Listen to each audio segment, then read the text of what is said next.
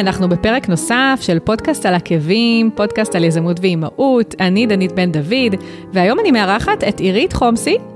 היי עירית, מה שלומך? בסדר גמור. ממש כיף שאת פה.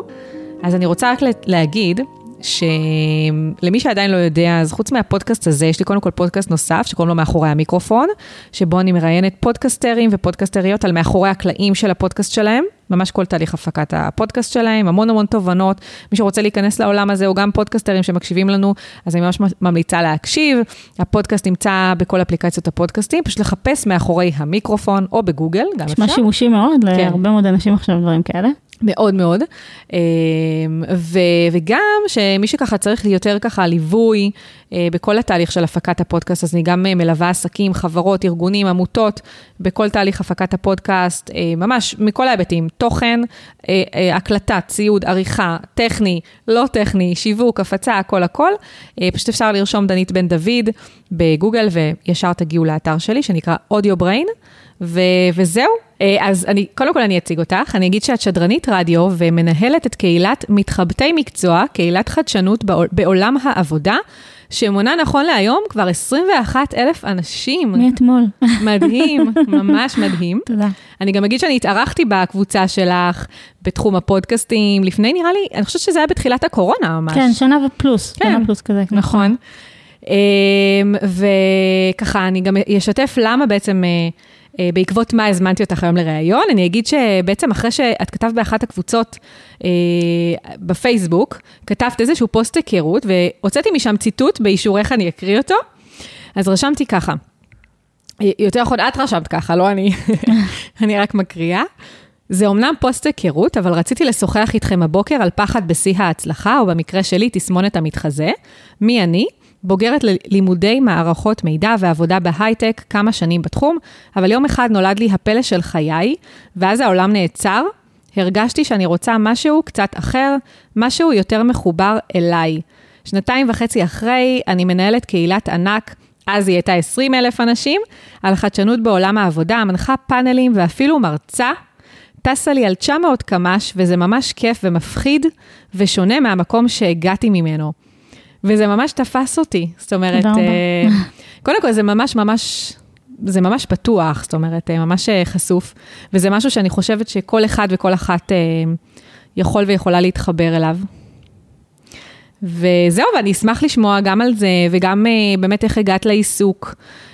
שלך, ובאמת מה עשית קצת לפני, יותר בהרחבה, ואיך באמת הצלחת להרים בשנתיים וחצי אה, קהילה של מעל 20 אלף איש, ואני גם נמצאת שם, ואני רואה את, ה, פעילות. את הפעילות שם, ואני רואה כמה את משקיעה שם, אה, וזה באמת באמת מדהים. אז נשמע, אני אשמח לשמוע על כל זאת, ועוד. אז בואי תספרי ככה קצת על עצמך, מאיפה שבא לך להתחיל. אה, בכיף, בכיף. יאללה. אז אה, טוב, אז אה, עירית, אה, מתחבטי מקצוע ואני זה כזה אותו דבר. אה, וזאת לא הקהילה הראשונה שהרמתי, הרמתי לפני איזושהי אה, קהילת מתכונים. כן? וואלה. שזה כאילו הכי לא דומה, הכי לא קשור. ואני חושבת שפעם הייתי בכנס כזה מפגש של מנהלי קהילות, יש תמיד את המפגשים האלה פעם בשנה שמביאים מלא מנהלי קהילות באותו חדר. ושאלת השאלות שלי הייתה, אה, מה גרם לכולכם להגיע לניהול קהילה? וזה תפס אותי כי זה היה נורא נכון גם עליי, שמנהלי קהילות זה הרבה פעמים אנשים, כאילו בפייסבוק לפחות, אה, שמשהו מפריע להם, והם רוצים, רוצים לעשות שינוי, ואז פשוט הם מבינים שאם לא אני, כאילו זה לא יקרה פשוט. ומרימים את זה. ו, וזאת הסיבה שהרמתי גם את הקהילת מתכונים שהייתה מאוד חשובה לי, שזה קהילה שהיא כאילו אוקסימורון, פלאו, צמחוני, כאילו. וואו. אז אמרתי, אוקיי, כולם אמרו לי שלא קיימים אה, מתכונים לדבר כזה, ואני חושבת שיש שם כמה אלפי, לדעתי 4,000 מתכונים שם כבר, משהו כזה. שאת מעלה כאילו? לא, לא, לא, ממש לא, לא אין לי... אנשים כאילו כן, מעלים, כן, אוקיי. כן, אנשים מהקהילה, קהילה מונה, אני לא, היא לא מאוד פעילה, אבל היא מונה איזה 6,000 אנשים, כל אחד פה ושם העלה משהו, אז זה, זה הפך להיות גדול. Uh, ומתחבטי זה גם כאילו משהו שהתחיל מאותו, מאותו קטע. וזה באמת מצחיק, כי ב, ברקע שלי אני מגיעה מבית מאוד מאוד שמרן. ובתים שמרנים הם בתים שמחו... יש איזושהי הסללה כזאת שאף אחד לא מדבר עליה, אבל בנות מכוונות נגיד לא להתקרב למחשבים ולא להתקרב לקארטה. הן לא אמורות להבין יותר מדי במתמטיקה, כן, טוב, אני, ו, ו, אני כבר לא בת 20, כן, אני קצת יותר מבוגרת, אז זה גם לפני הרבה זמן, אבל לפחות ממה שאני זוכרת בשנות ה-80 כשהייתי ילדה קטנה מאוד, אמ, בתקופה הזאת לא ראיתי כמעט ילדות בחוגי מחשבים ודברים כאלה, מחשבים זה בכלל היה דבר חדש, ונורא נמשכתי לזה. נמשכתי למחשבים בבית שאין בו מחשב, ורציתי וואו. נורא מחשב, ונורא רציתי אה, ללמוד מחשבים, אני זוכרת שככה נדנדתי להורים שלי, ואמרתי להם, וואי, אני, אני, אני נורא רוצה ללמוד מחשבים. ו, ו, ובן דוד שלי, אה, יש לי מזל, יש לי משפחה מרובת בני דודים בצורה קיצונית, אני חושבת שיש לנו מעל 100, רק בצד מה? אחד. רק בצד אחד, הצד השני יותר. לא רצינית, איזה כיף אבל. כן, משפחה ענקית. אה, הצד המרובה יותר זה צד דוסי, אז אנחנו קצת פחות בקשר איתם, הצד הלא דוסי הוא אה, צד שאנחנו יותר בקשר איתו, ושם יש ממש מלא בני דודים. ויש בן דוד אחד שהוא כמעט בגילי, שנה פחות כזה, והוא נרשם, הוא גר אה, באותו עיר, באותה עיר אז בזמנו, אה, אני חולונית בהוויה במקור במקור, והוא היה גר אה, בצד השני של העיר. והוא סיפר לי שהוא נרשם לחוג מחשבים, והוא היה ילד, וגם אני הייתי ילדה, ואמרתי, וואי, גם אני רוצה. ושכנעתי את ההורים שלי, והם לא כל כך חשבו שזה רעיון טוב, אמר, אמר, אמרו לי סבבה. והלכתי על זה, ובכל השנה הייתי הבת היחידה בכיתה של לדעתי 12 או 13 בחוג, אני, אני שוב, זה זיכרון ילדות קצת, אז יכול להיות שאני טועה במספרים, אבל זה לא הייתה כיתה מאוד גדולה. Mm-hmm. ובסוף אותה שנה אני זוכרת שהייתה תחרות כזאת של... אה, אה, נתנו לנו משהו לעשות בשפה הזאת, למדנו שפה שנקראת לוגו, שהיא שפה מקדימה לשפה שאחר כך נקראה בייסיק, שאחר כך הפכה לוויז'ואל בייסיק, למי שמכיר את שפת תכנות. אה, ובלוגו נתנו לנו לעשות משהו והייתה תחרות סוף שנה. ואני הגעתי למקום ראשון. וואו. בסוף אותה שנה עכשיו, אני יודעת, בתשע, כאילו, זה לא... וחזרתי הביתה בהתלהבות, וסיפרתי לאבא שלי כזה, אבא, אבא, ניצחתי את כל הבנים. כזה, מי זה כל הבנים? על מה את מדברת? לו, בחוג לוגו יש רק בנים. אז הוא אומר לי, יש רק בנים? וזהו, זו הייתה הפעם האחרונה שיכולתי ללכת לחוג הזה. למה? כי זה היה שנות ה-80 והייתי ילדה, וזה היה נראה כזה ממש לא.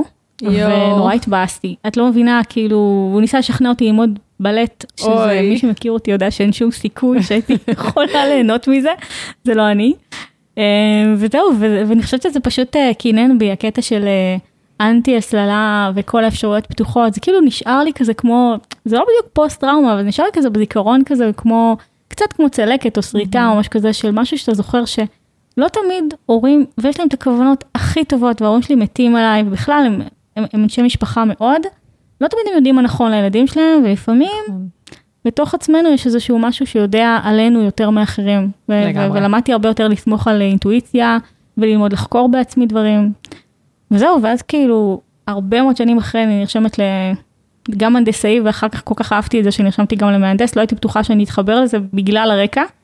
עשיתי הנדסאי מערכות מידע ואחר כך עוד ארבע שנים אה, תואר ראשון אה, במערכות מידע ועבדתי בהייטק כמה שנים. הייתי טובה בזה, אבל לא היה בזה את מה שרציתי מבחינה אישיותית, כי מערכות מזל זה נחמד, אבל זה נורא תלוי החברה שאתה נמצא בה. זאת אומרת, אתה יכול ליפול על חברה שמשלמים המון, המון כסף, אבל אנשים לא כל כך אה, מרגישים שייכים לחברה, או חברים אחד של השני, ובתחומים אחרים, אבל נורא נורא קינאתי באנשים שעובדים במקומות חברתיים, בעמותות, באיזה משהו עם שליחות. האמת שהחברה האחרונה שעבדתי בה היא חברת uh, גיימינג. היה שם המון כסף, באמת. חברות, חברות גיימינג זה חברות של תכלס הימורים במשחקי מחשב, כן? אה, כן. ובאמת יש להם משכורות מאוד יפות מי שעובד בדברים האלה, אבל זה לא היה כל כך אני. ו... וזהו, וכשנולד אה, כשנולד הקטן שלי, יש לי רק אחד, ב-2018, אה, קרה איזשהו, קרה לי איזשהו משהו, והבנתי שאני צריכה את ההפוגה הזאת, וכזה, איך אומרים? לחשב מסלול מחדש. לגמרי. ובעצם רציתי לנסות לתקן את הטעות שעשו עליי עם הורים. הורים, כאילו, לא, לא מורים בבית הספר, אלא הורים, ולגרום לאנשים, לעזור לאנשים לחקור מקצועות בעצמם. אז זה בעצם הסיפור, כל הסיפור, כאילו, וואו. זה לא כל הסיפור, היה שם עוד איזה טריגר קטן שממש הדליק את זה, אבל בגדול משהו כזה. כן. וואו, איזה מדהים זה. זאת אומרת, בעצם כאילו יצאת לחופשת לידה, נכון? במקום עבודה האחרון שהיית, ואז מה, עזבת את מקום העבודה? ואיך זה היה בעצם הייתי, התהליך? אה, לא, עשיתי הסבה לפני זה למשהו שתחום דווקא די סקסי כזה, שנקרא UX, הייתי פרילנסרית בזה בערך שלוש שנים, עבדתי עם אה, סטארט-אפים. Mm-hmm. אז כאילו, זה בערך חופשת לידה, כאילו, הייתי אמורה פשוט להחליט אם אני חוזרת לתחום שכבר עבדתי בו והתבססתי בו והכירו אותי, או לנסות לעשות משהו אחר. Mm-hmm. וסוג של, למרות שיש אצלי בקבוצה מלא פינת כניסה להייטק, אני מאלה שכאילו זה לא, לא מעיף לי את הפוני, אין לי בעיה לעבוד בהייטק, אבל העבודה עצמה היא לא, אה, איך אני, איך נקרא לזה, יעד, מטרה סופית. זאת אומרת, אה, כי כן. אמצעי למשהו, והרגשתי שאני מחפשת משהו שאני יכולה יותר להוציא את היכולות שלי מתוך עצמי, וזה קשה, גם לדעת אה, מי אתה ובמה אתה טוב, ואיך נכון. אתה יכול לתרום לעולם, ואם כן, אז איזה סוג של תוצר אתה יכול לייצר שבאמת יעשה שינוי. לא כזה לגמרי. פשוט. זה מאוד לא פשוט. אז איך באמת היה התהליך אצלך? זאת אומרת, הבן שלך הוא בן שלוש, נכון? כן, ובעצם ב-2018. שנתיים וחצי יש את הק- הקהילה שלך בעצם קיימת. הוא אז- היה בן כמה חודשים כשהיא כן. קמה. אז איך זה, כאילו, איך היה התהליך מאחורי הקלעים? מה חשבת? איך, איך הגעת לזה? זה מה- היה סיפור הזוי, אני- זה, זה מאוד אישי, אני מקווה שזה לא יצא הזוי, אם זה יצא הזוי, לסלוח לי, יש לי חיים הזויים לפעמים כנראה, אמ, זה הולך ככה. אלו, היה לי ילד קטן בן כמה חודשים בבית, וביקשתי מהבן זוג שלי, אמרתי לו, תקשיב, אני כל הזמן בבית, אני כל הזמן איתו, אני חייבת משהו להתאוורר, ואחד הדברים שאהבתי מאוד מאוד לעשות עד להיריון שלי, היה לצאת להרצאות. ברמה שהייתי מכורה לזה, הייתי יכולה ללכת לשלוש, ארבע בשבוע, זה כמו שאנשים אוהבים גלידה, אצלי זה הרצאות. וממש... הרצאות להאזין בעצם פשוט. אה, אה, להגיע לכל מיני פאבים, מדע על הבר, אה, מגניב. כן, הייתי ממש- אני זוכרת שפעם אחת הייתה הרצאה שכל כך רציתי ללכת אליה, שנסעתי ברכבת לקריית חיים בחיפה, כאילו זה, אני אני ממש מאזור המרכז, כן, זה, זה היה משהו בית נגלר או משהו, וגם נסעתי להרצאה ביום השואה בטכניון, שהסבירו שם על אה, אנטישמיות, נס, נסעתי באמת ברחבי הארץ, למכון ויצמן, לדברים על חלל, כל דבר שנשמע לי מעניין, ופשוט פיניתי ערבים שלמים לזה. אה, אולי אה, זה מסביר למה התחתנתי לא בגיל צעיר, לא סתם, זה זה הביקורת אה, זה. אז זה נשמע אבל ממש מדליק, דרך אגב. כן, אז, אז, אז כשאת יולדת, פתאום סדרי העדיפויות שלך משתנים. עכשיו, אם היה לך חוג, והחוג שלך הוא שחייה, אז קצת יותר קל לתרץ למה את רוצה לחזור לזה, אבל כשאת רוצה לצאת להרצאה, וה- וההרצאה היא חינמית, ואת צריכה לשלם על זה בייביסיטר, זה מרגיש כזה מוזר. כן. אז כזה, זה לא כמו, את יודעת, ללכת למסעדת שף, את אומרת, טוב, נו, נוסיף עוד איזה. והתלבטתי הרבה זמן אם אני עושה את זה או לא, ואמרתי לבן זוג שלי, "אה, למרות הבתי קפה וכאלה, בא לי נורא הרצאה. אז הוא אמר לי, לכי. וככה הכל התחיל. הלכתי באותו ערב להרצאה, זה היה ב-2018, עם ילד קטן, ממש קטן בבית, ואני מגיעה למקום הזה, זה מתחם כזה, חלל עבודה. כמו אה, WeWork. כן. ואני נכנסת והייתה שם, ראו כאילו בכניסה מכונת קפה משובחת מהסוג הזה שאתה רואה ואתה אומר לעצמך, זה נראה טוב, כאילו אני חייבת קפה, גם אם אני לא אוהבת קפה, הייתי מכינה קפה, זה נראה ממש טוב. עכשיו גם היה תור למכונת קפה, זה עוד יותר הוסיף ליוקרה שלה כנראה. היו איזה שלושה לפניי, ואמרתי, עמדתי בתור, ופתאום אני קולטת שהבחור ש... שעומד לפניי בתור הוא ממש ממש נאה. זה משך את התשומת לב שלי. עכשיו אני לא מתכוונת לפלרטט עם אף אחד, אבל כשיש בחור נאה זה לא מזיק סתם ככה לפטפט, אז פטפטתי וכזה שאלתי אותו מה הוא עושה ואיך הוא הגיע וכאלה, ואז בעצם כאן, כאן כאילו קרה משהו גורלי, והוא, והוא סיפר על העמותה, אה, הוא מנהל בחור בשם דניאל נבון, אני לא יודעת מה קורה איתו היום, אבל אז הוא ניהל ב-2018 עמותה בשם אה, אה, טספצ'ין, שזה באמהרית אה, התקווה שלנו. זה ממש עמותה. שקשורה למשהו, אנשים ממוצא אתיופי. ואני כזה שומעת את הסיפור שלו, ואני אומרת לו, אז כאילו בעצם, למה צריך אתכם, מה, מה אתם בעצם עושים? אז, אז הוא סיפר שהוא פעיל ביבנה, הוא גר גם ביבנה, ויש אחוז גבוה מאוד מהאוכלוסייה האתיופית, ממוצא אתיופי, אה, שהם תיכוניסטים שלא מתגייסים לצבא. ואני מעולם לא הייתי, לא ביבנה ולא לא נמנית על האוכלוסייה הזאת, וזה מאוד הפתיע אותי, ואמרתי לו כזה, אוקיי, זו, כאילו, מה, מה זה קשור אליך? אז הוא אמר, אה, אנחנו מנסים לעזור להם להתגייס לצה"ל. אני חייבת כאילו לשאול, הוא לא- הוא לא אתיופי בעצם, הוא פשוט, הוא לא... ככה זה נשמע מדברייך. כן. סתם חייבת לשאול, עניין אותי. לא, לא, לא, אוקיי. נראה כמו, אה, נו, הבחור הזה מלהקת בנים הזאת, נו. אה, רונן קיטין, הוא- הוא הוא בחור ממש יפה. וואי, oh my god. בויזון, יואו, מטורפת הלהקה הזאת. כן, כן, את לא מבינה כאילו כמה הבחור הזה נראה טוב, כאילו הוא באמת מושך את התשומת לב. לא משנה, קורה. גם, גם אנשים כאלה אפשר לפגוש בחיים ולא רק בג'ורנלים שזה מגניב. ובשיחה איתו כזה ניסיתי להבין, הרי בינינו ממה שאני יודעת, אם אתה לא מתגייס לצבא, הצבא סוג של תופס אותך ושם אותך, לא יודעת, עריקות או משהו, זאת אומרת, אתה חייב לעשות צבא בישראל, לפחות מה שאני יודעת, אני באמת אולי אה, קצת תמימה.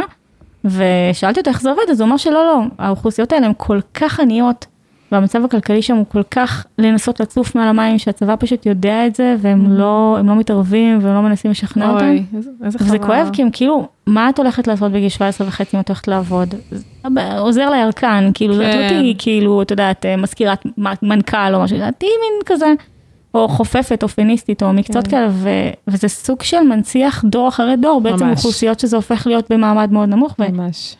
והם מצאו איזה ש- היה הפטנט של העמותה הזאת, שדרך אגב בעיניי הוא גאוני, באמת, אה, זה לשכנע את אותם צעירים להתגייס ולתת להם פרס. אם הם מתגייסים, הם נותנים להם קורס מדריכי כושר. וואו, מדהים. ואז בצבא הם יכולים להיות מדעסים, ואז הם בערב יכולים לעשות אימונים אישיים ולהרוויח כן. כסף מזה, ואז הם כאילו מחזירים כסף למשפחה. מין כזה מעגל מדהים. ווין ווין כזה. מדהים, מהמם. מדהים, מדהים. ואני זוכרת שישבתי ופרשנו מההרצאה ופשוט ישבתי והקשבתי לסיפור.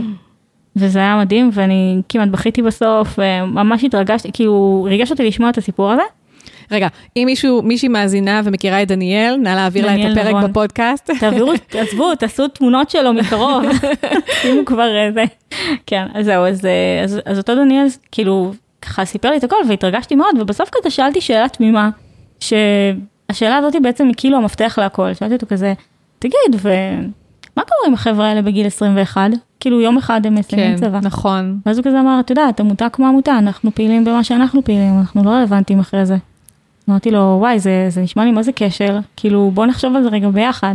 ילד ממוצא אתיופי, תיכוניסט, אה, גר ביבנה, אה, סביר מאוד להניח שכמות האפשרויות של מה אתה יכול לעשות עם עצמך בגיל 21, היא מניפה הרבה יותר קטנה מניפת האפשרויות של מקצועות, מאשר כאלה שנגיד גדלו, לא יודעת מה, בצפון תל אביב, ואבא ואמא עובדים בהייטק, או לא יודעת מה, אבא בהייטק ואמא במשהו מגניב אחר, ואדריכלות, כן? ו- ופתאום להם יש מניפה הרבה יותר גדולה, ואז כאילו באיזשהו מקום, אה, איך אומר המשפט הזה הספרותי, צער עולמי כעולם מלמלה, זאת אומרת, הסיכוי כן. שהם יכולים להיות תפקיד מגניב בהייטק הוא הרבה יותר קטן. נכון. ואז אני, השיחה בינינו מתפתחת ואני מתחילה לשאול אותו שאלות צרות, ואני רוצה להבין, רגע, אז איך הם ידעו, ומפה לשם בסוף השיחה נגמרה בזה שאני אומרת לו כזה את המשפט, אני אחקור את זה. אם אין שום ספריית מקצועות, אני ארים כזאת, הוא כזה. אומר לי, מה זאת אומרת תרימי ספריית מקצועות? מה, את מכירה את כל המקצועות שיש? עכשיו, זה היה כזה, כאילו מישהו, כאילו מישהו בא, שם, שם עליי פטיש חמש קילו, מהמם. אני, אני באמת לא, אני לא מכירה את כל, אני ממש לא מכירה את כל המקצועות, ו, ובעצם יש לי כוונות ממש טובות, אבל מה אני אמורה לעשות עם זה? כאילו, אני לא, ואז הוא אמר לי, אם את לא מעולמות ה-HR, ואת לא מכירה מלא מקצועות, ולא הסתובבת בכל מקום וזה, איך, איך תקימי ספריית מקצועות? ואני אני זוכרת ערב כזה שאני חוזרת הביתה מההרצאה שפופה, עם הראש ב, ברצפה. מסתכלת על בעלי ואני אומרת לו כזה, אני, אני לא יודעת מה לעשות, אני רוצה להקים ספריית מקצועות לילדים ממוצא אתיופי ביבנה, אבל אני לא מכירה את כל המקצועות ואין לי מושג איך לעשות את זה, והוא כזה מסתכל עליי, מאיפה, מה? איפה הבאת את איפה היית? הוא אמר לי שהלכת להרצאה, לא, כאילו, מה נסגר? והייתי כאילו ממש, ממש מבואסת, והוא ראה אותי כזה, ממש, הוא ריחם עליי כזה, נתן לי חיבור, אמר לי, יהיה בסדר, מה, כאילו, הוא לא הבין. וישבתי כזה בספה ממש מבואסת, והוא כזה מסתכל עליי והוא אמר לי, יש לי רעיון בשבילך עכשיו, יש לי אה, בן זוג, טפו טפו טפו, מאוד אינטליגנט, מה הוא עושה דרך אגב? אה, הוא ראש, אה, הוא בפיתוח אה, תרופות, ראש צוות. וואו, כן. איזה הוא- מדליק. הוא החכם במשפחה, הוא כאילו ה... גם את נשמעת לא, לא, כאילו, לא נפלת ממנו היא- בכלל. אם לקטן שלנו יש הרבה מוח, זה מהצד שלו, עם כל המכון ויצמן וכל אלה. וואו. כן, כן, הוא באמת, הוא הוא האינטליגנט של המשפחה, וככה, הוא כזה מסתכל עליי, הוא אומר לי, עירית, יש לי רעיון מעולה בשבילך. אמרתי לו, באמת? אמר לי, כן, לכי לישון. אמרתי לו, איזה מין? רעיון זה? מה, כאילו, מה, אתה מנסה לצחוק עליי? איזה רעיון זה? אז הוא אומר לי, את לא מבינה, הרעיונות הכי טובים שלכם נכון. תמיד בבוקר, אז לכי לישון. אה, שלך ספציפית תמיד אה, הרעיונות הטובים כן, בבוקר. כן, אה, זה תלכי לישון. ואז כאילו בבוקר יהיה לך איזשהו רעיון, והוא פשוט צדק. כאילו, הלכתי לישון, כאילו הקשבתי וקמתי בבוקר, והיה פתאום את הרעיון הזה של רגע, למה אני צריכה לדעת הכל? כאילו, מי שם אותי? מה, אני אלוהים? כאילו, למה אני צריכה לדעת הכל? אני יכולה פשוט להביא כל פעם מישהו אחר, שהוא מכיר את המקצוע של עצמו. הוא כבר יספר, כמו שאת עשית, ו- וזהו, אנחנו כבר על 280 מקצועות, כאילו, כמה התעללתי במלא אנשים. מדהים, אז באמת אה, זה כבר באמת אה, מביא אותנו לעניין של איך, ה, אה, איך הקהילה מתנהלת ובעצם מה קורה שם, אז תספרי באמת מה, את יודעת מה? לפני כן, אוקיי, ואז היה לך את הרעיון, ואז אמרת, כאילו, איך המשכת, איך זה הגיע ל- ל- ל- לידי בעצם קבוצת פייסבוק, כאילו, איך זה קרם עור וגידים בעצם? אה, הייתה לי קבוצה אחת של מתכונים כבר, והתלבטתי אם להקים עוד אחת, ואז אמרתי כזה, יעצתי לפני אה, שלוש שנים, התנדבתי בקהילת פייסבוק אחרת, אה, מעולה דרך אגב, משרות הייטק ושיווק, את מכירה? מהמם. ללא ניסיון, של יואב לא. מלמד. וואו, לא, לא נראה לי. קבוצת ענק, זה לדעתי כבר 180 אלף, אני אני לא טועה. היא קבוצה ענקית, אוקיי. של משרות, היא קבוצת משרות. והתנדבתי שם שנה פלוס, וזכרתי שהמון אנשים ביקשו ממני בתור אדמינית בקהילה, או לא זוכרת, הייתי סגנית מנהל של יואב מלמד. אה, שאלו אותי שאלות והייתי עונה להם, והרבה רצו להכיר UX, שזה המקצוע הקודם שלי, מהמם. ואמרתי להם, תקשיבו, כל מי שרוצה לשאול שאלות, אני אוסיף אתכם. היו שלושה, ארבעה אנשים, וקראתי לזה מתחבטי מקצוע. מהמם. והארבעה האנשים האלה לא דיברו איתי מעולם אחרי אותו שבוע שהם שאלו את השאלות שלהם, ופשוט הקבוצה נשארה ריקה ושוממת. מהמם. ואמרתי, כבר יש קבוצה, ולא בא לי להתחיל עכשיו לעבוד ולפתוח שם אחר, אז בואו נשמיש אותה, ונתחיל לחפש אנשים שירצו להתראיין. זאת אומרת, הייתה קה- קהילה של ארבע אנשים קיימת שלוש שנים ריקה. אה, ש- של- של- אה, שלוש שנים היא עמדה ריקה, די, זאת אומרת, אוקיי. באותו שבוע עניתי לאנשים שרצו מידע על UX, אבל אחרי כן. זה לא עשיתי כלום, אוקיי. ולא התכוונתי לנהל את זה או משהו. כן. זהו, ואז עברו שלוש שנים, והיה את הסיפור עם המוצא אתיופי וכל זה, ואז החלטתי למחרת שאני משמישה, אני מחפשת את השם, היה לי קשה לזכור, מצאתי את זה בסוף בקבוצות שלי, מתחבטי מקצוע, ואמרתי, טוב, אני אבקש ממישהו אה, לספר על המקצוע שלו, והוא יספר אותו לארבע אנשים, שבכלל בטוח לא יהיו שם, כי הם לא נכנסו לקבוצה הזאת שנים. כן. ופניתי לחברים, עכשיו, בגלל שהרקע שלי הוא מערכות מידע, היה לי קל למצוא נגיד דאטה אנליסטים, או אנשים שהם ברקע שהוא קרוב למערכות מידע מכל מיני כיוונים, ויש הרבה כאלה. מהמם. והתחלתי מחברים, וכאלה שהייתי הולכת להרצאות שלהם, כי הייתי גם הולכת להמון הרצאות, אז חלק מהמרצים כבר הכירו אותי וידעו מי אני, אז יכולתי ללכת פתאום לדוקטור רועי סזן, אנשים מאוד מכובדים שנמצאים שם בחוץ. ולאט לאט זה גדל בעוד אחד ועוד אחד, ובמשך המון זמן זו הייתה קבוצה סגורה והתביישתי בה ולא פרסמתי אותה בשום מקום, ואמרתי, מה, פחות מחמישים זה בכלל לא ספריית מקצועות, זה בדיחה, אני לא יכולה אפילו לפרסם את זה, כאילו ממש כשהגענו ל-70 אנשים אמרו לי, תהפכי את זה לקבוצה פתוחה, וממש ניסו לשכנע אותי, ואמרתי, מה זה? זה נראה לך חסר ערך, מי רוצה ספרייה של 70 מקצועות? כאילו, זה כזה, כל הזמן התקדמתי, אבל בתסמונת המתחזה אולי, חשש מאוד גדול שמה שאני עושה אין לו ערך, ומי מהמם. בכלל, כאילו, פשוט מראיינת ושזה יהיה לפרוטוקול, אולי יום אחד נעביר את זה כזה לאנשהו, זה הכל. כאילו, אנשים שצירפת היו אנשים שהתחבטו לגבי מקצוע, או אנשים שכאילו היה להם מקצוע שהיה חשוב אה, ורצית להוסיף אותו לספרייה? בהגדרות של הקהילה, לא, לא, לא היית, אז לפחות, לא, לא מאוד הבנתי בניהול קהילות כמו היום, והייתה פשוט הגדרה אוטומטית כנראה של פייסבוק שאפשר להצ- להצטרף לבד.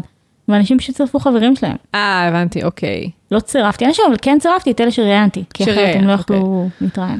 הבנתי, אז כאילו התחלת פשוט אמרת, כאילו, עשית לך כזה סוג של אה, רשימת אה, מקצועות כזה, והתחלת לחפש ללקט, או אנשים שכבר הכרת, והתחלת בעצם לראיין אותם, אה, מה, איך, איך עשית את זה, כאילו, זומים וכאלה, או... אה, זה פוסטים אה, כתובים, פוסטים. זה היה לפני כמו שאיתי זה היה. בעצם... אה, כן, פוסטים כתובים שאתה מציג את עצמך. פעם זה אפילו לא היה עם תמונה, כי לא חשבתי על הקונספט הזה. אמרתי, תעלה פוסט, ואם יש מישהו שירצה לשאול שאלות, וגם הכנתי מראש כמה שאני אשאל אותו, כדי שזה יראה ממש כמו ראיון, כתוב. מהמם. ועם הזמן התחלתי לשכלל יותר ויותר את השאלות, כי הבנתי שכל הכרה של מקצוע יש לה הרבה יותר ערך אם שואלים כמה שאלות ספציפיות שאנשים רוצים לדעת, כמו נגיד מה השכר בתחום, כאילו אם אתה מראיין בן אדם ויש את הכמה שאלות האלה שיש אותם, זה נורא מוסיף ערך. כן, נכון. אז אה, אז זהו, אז כאילו התחלתי מזה שכל פעם חידדתי ודייקתי יותר ויותר את השאלות מאדם לאדם, ואני חושבת שאחרי איזה חצי שנה היינו רק, באמת, 500, כאילו היינו ממש קצת, וזה אנשים שהוסיפו חברים שלהם וכאלה, ואז כאילו, אני הייתי בהלם מהכמות, גם זה נראה לי המון, כאילו, אני זוכרת שנסענו ל- ליוון, היינו בדרך לטיסה, וסתם בדקתי בסלולרי שנייה לפני שאני מכבה אותו כמה אנחנו, וראיתי שאנחנו 500. וזה הפתיע אותי, כי גדלנו בבת אחת ב-100 או משהו כזה. וואו. ואז אני כזה מסתכלת על זה ואני עושה לבן זוג שלי, ממש שנייה לפני שאני מכבה את הסלולרי ושמה מצב מטוס, אומרת לבן זוגי אה, בדרך למטוס, אה, תקשיב, אנחנו 500, אני ממש מופתעת, הקהילה הזאת, המתחבטי מקצוע, זה כבר 500 איש. אז הוא אומר לי, נו, אז אולי תפתחי אותה.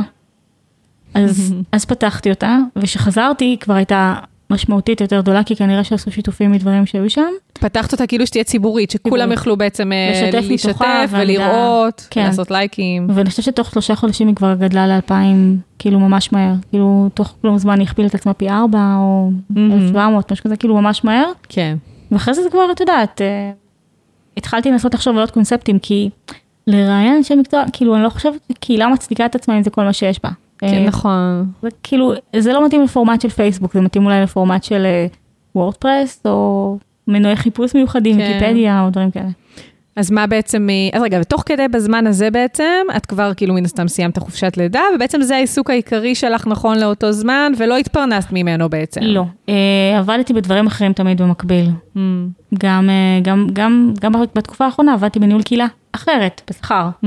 אבל לא הקהילה הזו, זאת קהילה שהיא הובי, היא מין, אה, שליחות. כן, חושבת. כן, כן, אני נורא רוצה, את יודעת, אני אספר לך סיפור שאף אחד, אף, רציתי לכתוב ספר שיש לו רק שלוש דפים, והוא ייקרא למה אני שונאת את קרן אלעזרי.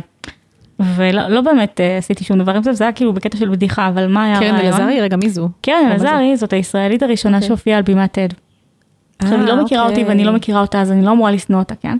אבל קרן אלעזרי אה, גדלה אה, בישראל בערך באותם שנים כמוני, אנחנו בערך באותו גיל, בהפרש אה, מהמם. די קטן, והיא אה, האקרית, אבל היא לא סתם האקרית, היא באמת מרצה בכל העולם, היא מההאקריות הכי זה. עכשיו, כאילו, קצת התחלתי לברר מתי התחילה ללמוד מחשבים, וזה יצא בערך באותה תקופה שאני, עם הלוגו שלי. מהמם. והיא גדלה בבית אחר, אבא שלה, עמי אלעזרי, הוא אה, ממקימי 8200 בצה"ל. וואו. זה בית קצת שונה.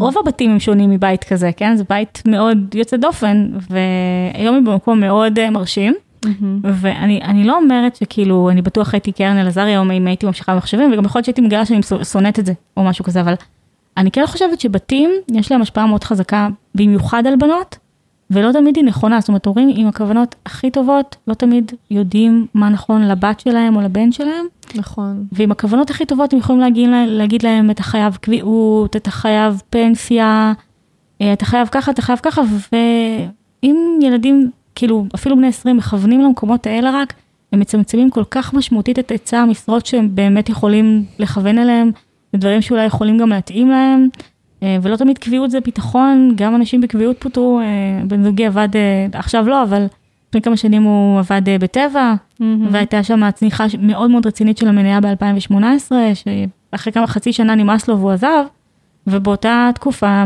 פיטרו בכמויות מטורפות גם אנשים עם קביעות, כי עם קביעות אז ועד העובדים נלחם עליך, אז במקום ש-800 יפוטרו, 400 יפוטרו, אבל זה לא ש... מה שאני אומרת את זה, אין באמת ערובה היום, אני לא מאמינה נכון. שהעולם הוא כזה, הוא לא עובד ככה במיוחד. היום אין, גם הרבה יותר קשה לקבל קביעות, גם מי שרוצה כאילו... נכון, אבל תחשבי נגיד אנשים שעובדים באיסתא, או אנשים שעובדים בבזק או אל על, או כל מיני מקומות כאלה, מה, בתקופת הקורונה, 4,000 איש, אה, אולי יודעת כמה, אלפי אנשים שעובדים באל על, לא היו בתחושה של אה, חשש של אה, זה, וגם פוטרו, נכ- נכון. נכנסו לחל"ת איזה מיליון, מיליון עובדים בארץ, ומתוכם אלפים מתוך חברות כמו אל על, אבל לא רק, כן, אה, האח שלי עובד, אה, היה עובד, שטיח המעופף אה, בתחום הפיתוח מחשבים, וגם חברות תעופה שאתה בכלל איש מחשבים, אתה נפגע, כי זה כן. חברות שהן קשורות לתיירות. אז יוצא מזה שבעצם לחפש אחרי הביטחון זה לא דבר חכם, והרבה פעמים הורים כן דוחפים ילדים לשם. נכון. אני חושבת שלמדתי המון מאז שהקמתי, זאת אומרת, פתאום כאילו צברתי שכבות כמו, קצת כמו לראות גלים של ים, שכל פעם הם דוחפים עוד שכבה של חול ועוד שכבה של חול, מהמם. ומנקים את הפס שעשית עם האצבע.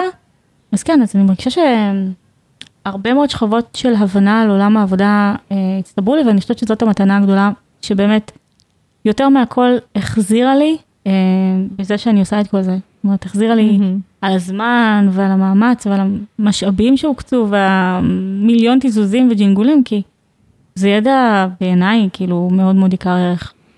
שמה שלמדת נניח מה על משרות חדשות, כל מיני תובנות ש... זה גם, שצברת. זה גם משרות חדשות, אבל תראי, אה, עד היום התראיינו אצלנו, טפו טפו, אנחנו בדיוק על מספר עגול, 280 אה, אנשי מקצוע. אז גם רוב האנשים בישראל לא נראה לי מכירים 280 מקצועות. כן, זה שזה המון. כאילו ידע שלדעתי זה ממש מגניב לחשוב שיש לי היום אה, ילד קטן בן שלוש, ושאני ארצה להסביר לו בעוד 10 שנים או 15 שנה כל מיני מקצועות, אני אדע קצת יותר מהאדם הממוצע, שזה נחמד. אבל זה לא רק זה, זה גם אה, להבין אה, איך נראה שוק העבודה, איזה כוחות יש שם, מה זה נגיד כל המהפכות האלה, המהפכה התעשייתית הרביעית, מהפכת הפרילנסרים, כלכלת תשומת לב, כלכלת אימפקט, כלכלת חלטורה, אה, כלכלה שיתופית, פתאום מונחים של האדם הפשוט זה נשמע לו כמו משהו שכותבים אותו בעיתונים, מהמם. חקרתי אותם לעומק ו- וקיבלתי מלא רבדים כאלה וזה מדהים. זה נשמע, כן, לי זה הרגיש כאילו אני בשנתיים וחצי עשיתי איזשהו סוג של תואר ראשון עם עצמי ובניתי לעצמי תוכנית לימודים, ככה סוג של יצא, אבל זה ממש ממש מעניין, כאילו אני מרגישה שאני ממש למדתי המון. זה, את יודעת, עד שלא הגעתי לכאן וחשבתי על זה, לא קלטתי כמה, אבל אם אני עוצרת לשנייה לחשוב, כאילו גם לפני שנה ידעתי שהבנתי המון, אבל אם אני עוצרת לשנייה לחשוב, פשוט מטורף. יש גם מהפכות רציניות שם מאחורה, נגיד אה, מהפכה כמו הבינה המלאכותית, היא מהפכה שהולכת לסחוף כלפחות 40% מהמקצועות תוך 20 שנה, זאת אומרת, אנחנו כולנו נרגיש אותה, זה יהיה כמו. גל, כמו צונאמי ששטף אותנו בעולם העבודה, אז זה מעניין לראות את זה קורה בזמן אמת, כמו כן, slow motion על נכון. המהפכה, אז כאילו זה, אז אני אוהבת את זה, כאילו מאוד. כן, זה נשמע מאוד מעניין. אז תני ככה למשל דוגמאות, נניח, לא יודעת, למקצועות שלא הכרת והפתיעו אותך, כאילו, וואלה, יש מקצוע כזה? כן, אה. וואו, יש המון, תראי, במתחבטי התראינו מעל 40 מקצועות עתיד. יש מקצועות שעד שלא ראיינתי את הבן אדם, באמת, אשכרה לא האמנתי שקיים מקצוע כזה. ואני אומרת את זה בשיא הרצינות. למשל, הייתי בטוחה, בגלל שהרבה פעמים כותבים בכרטיסי ביקור עורך דין ומגשר, mm-hmm. שאתה חייב להיות עורך דין בשביל להיות מגשר.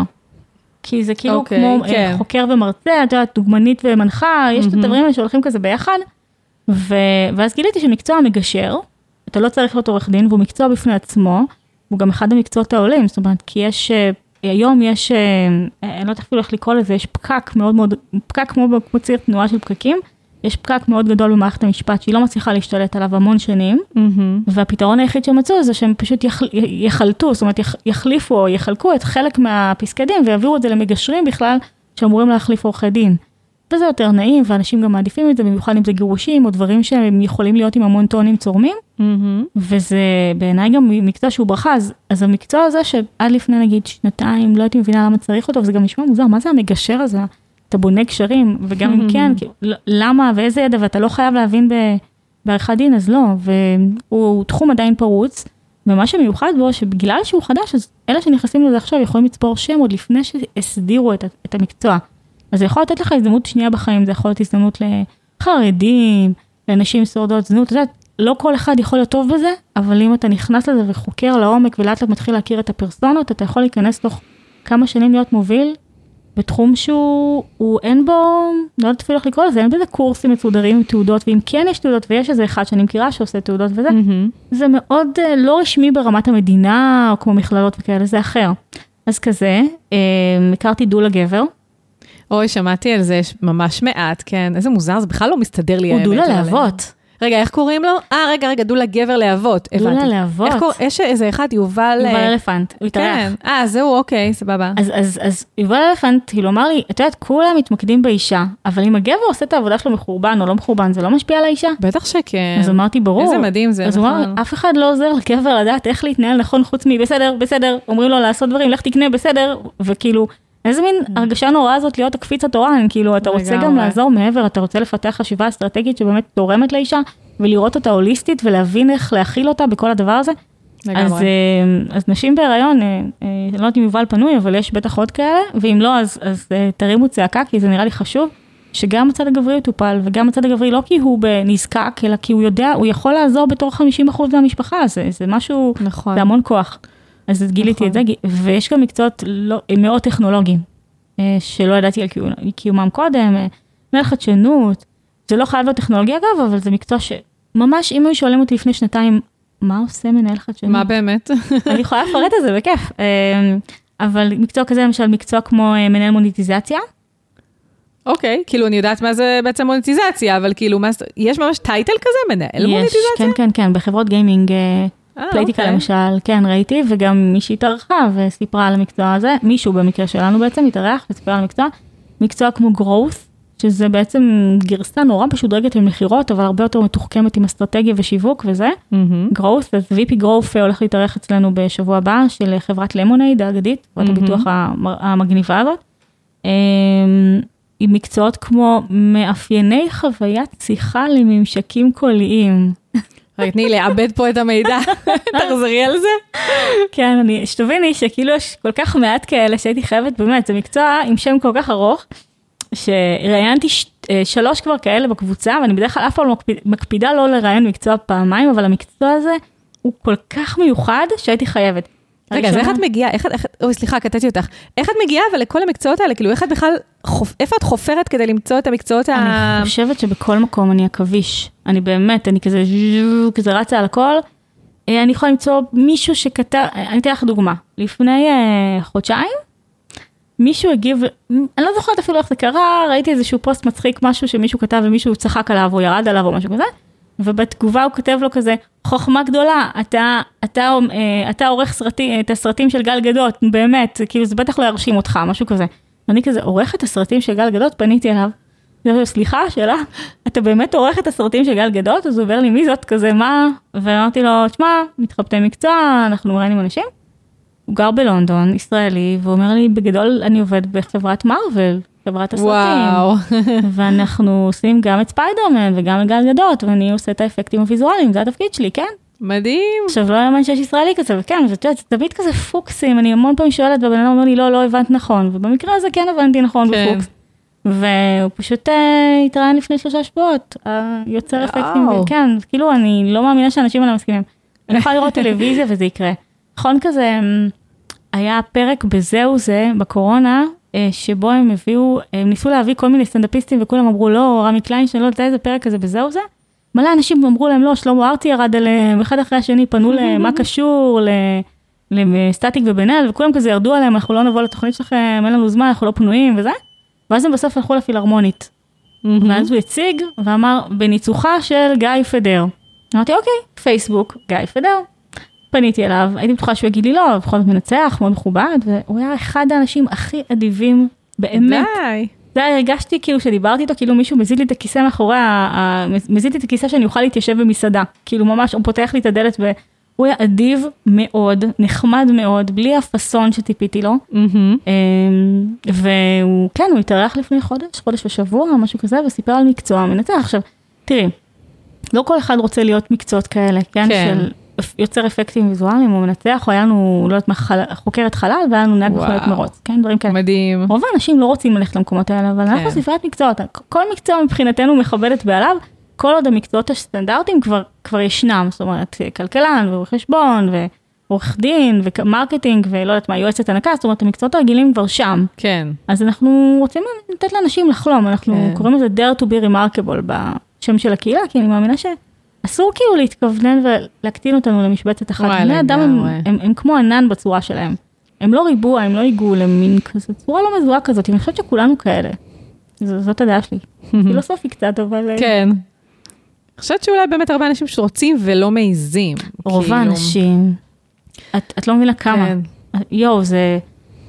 אה, באוקטובר, אה, לפני שנה וחצי, עוד מעט שנתיים, החלטתי לעשות פינה חדשה בקהילה הזאת שנקראת פינת הסבה. עכשיו למה?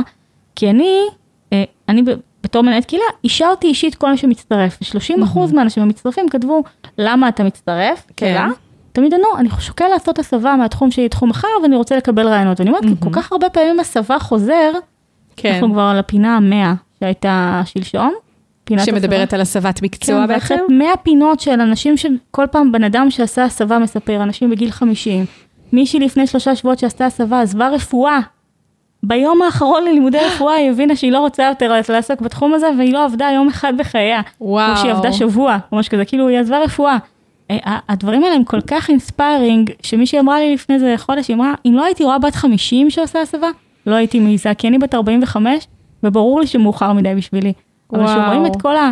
בגיל כזה, ו- ואנשים מתחום לתחום, יש לנו מנה, פועלת בניין, היא לא פועלת, מנהלת פרויקטים של פועלי בניין, שנכנסה ל sales בהייטק. וואו, את, איזה מדהים. את לא, את לא כאילו רואה את. זה חיבורים בלתי אפשריים, וזה מה שיפה בבני אדם. אני חושבת שזה פינה, הפינה האחרונה שהייתה לפני נגיד יומיים, אה, זה כל יום שלישי.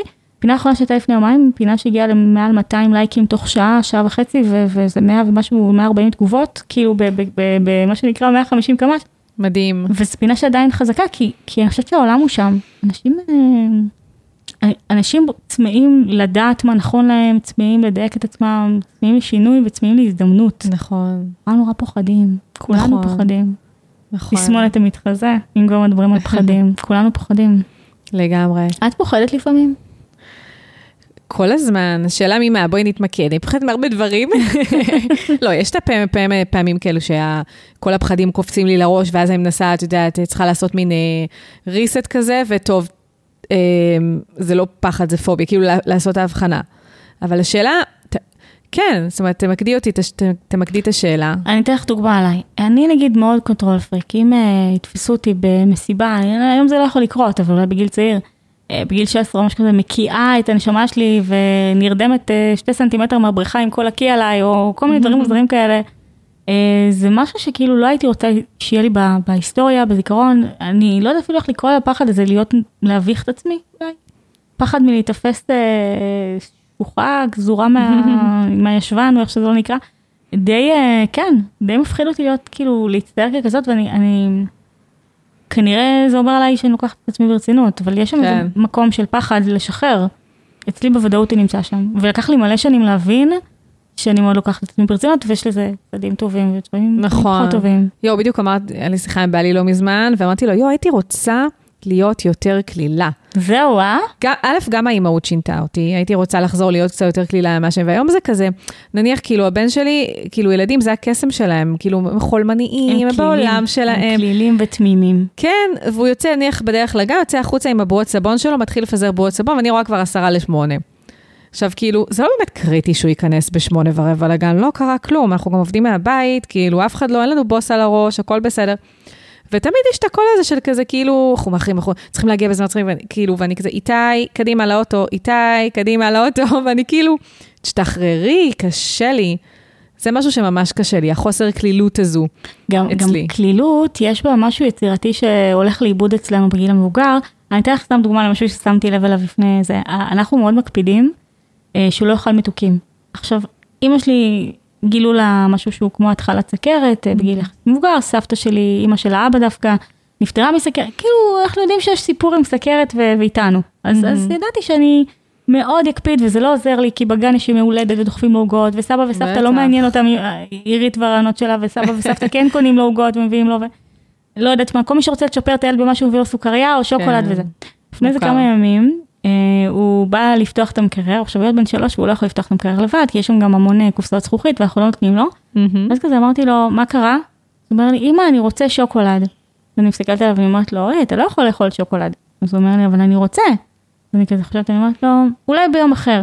אז הוא כזה מסתכל, חושב, מסתכל עליי כזה, ובסוף הוא אומר לי, אז אני לא אוכל שתיים, אני אוכל רק אחד, כאילו קוביות. כן, וזה בדיוק, משא ומתן. זה הקלילות הזאת, כן, אבל זה הקלילות הזאת של, אמרו לך לא, איך תנסה לגרום למשהו לקרות בכל זאת. שזה כן. קלילות שהיא מייצרת יצירתיות, וזה כזה, אנחנו בגיל מבוגר, בשביל להגיע לתשובה כזאת, את צריכה לחשוב מחוץ לקופסה. גם נכון, את צריכה להיות טובה בגם משא ומתנים, אבל גם בלהסתכל על התמונה, לעשות זום אאוט ולחזור פנימה. נכון. ולילדים זה כל כך טבעי, ילד בן שלוש, בואי, יש לו מוח של ילד בן שלוש, כן? זה לא כן. שהוא, אה, הוא לא למד לצרוך צרכים עדיין, כן? הוא עוד לא שם, וזה זה קלילות שהיא כאילו מקפיץ, מזניקה את היצירתיות שלנו, שמאוד מאוד חסרה אצלי. אני הייתי מתה, זאת אומרת, אני כן מחשיבה את עצמי אדם יצירתי, אבל רמות כאלה של יצירתיות של ילד בן שלוש לפעמים משאירות אותי נפעמת. הוא, הוא לא הבין למה נקרעתי מצחוק באותו רגע, והוא גם לא הבין כמה כאילו הרצתי אותו וממש שמחתי. יש את הרגעים הקטנים האלה שאתה שמח שאתה הורה, זה ממש מאלה. כן. כי הוא גרם לי להסתכל שלוש שניות על החיים שלי אחרת, למה להגיד לעצמי למה אני לא מדברת ככה? כן, יואו, זה מה זה קשה לפעמים, ממש, ממש. אני כאילו- חושבת שאני הולכת להכניס לעצמי לחיים אה, סדנאות אימפרו. יצא לך לעשות לא, פעם? מה זה? אימפרוביזציה כאילו? וואו, לא. יש עכשיו. בזום גם, בגלל הקורונה התחילו לעשות את זה.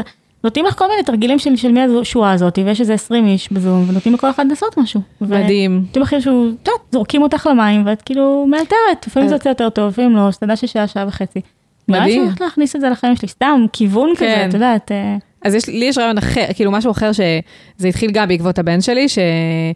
יותר נכון בעקבות בעלי, כי הוא אוהב להמציא סיפורים, בעלי גם מאוד יצירתי ומאוד אה, סיפורי כזה וזה, והוא ממציא באיזה סיפורים. תחום הוא? מעניין. אנחנו גם, כאילו, הוא בגדול כאילו מחשבים, מתכנות, אה, זה התחומים שלו. יפה שהוא מתחבר גם לצד הומני וגם לצד ריאלי. מאוד. לא אה, והוא גם אה, סוג של הנדימן, הוא עושה הכל בבית, הוא, הוא מאוד יצירתי כזה. אוקיי, מהידיים. התחתן טוב. כאילו, את רואה, יש פה מדפסת תלת מימד, זה הוא, ו- ויש לו... אה, עכשיו אני קולטת מה זה העיגול הגדול כן, הזה. אוקיי. כן. זה ו- סיבים אה, פלסטיק. כן, בדיוק.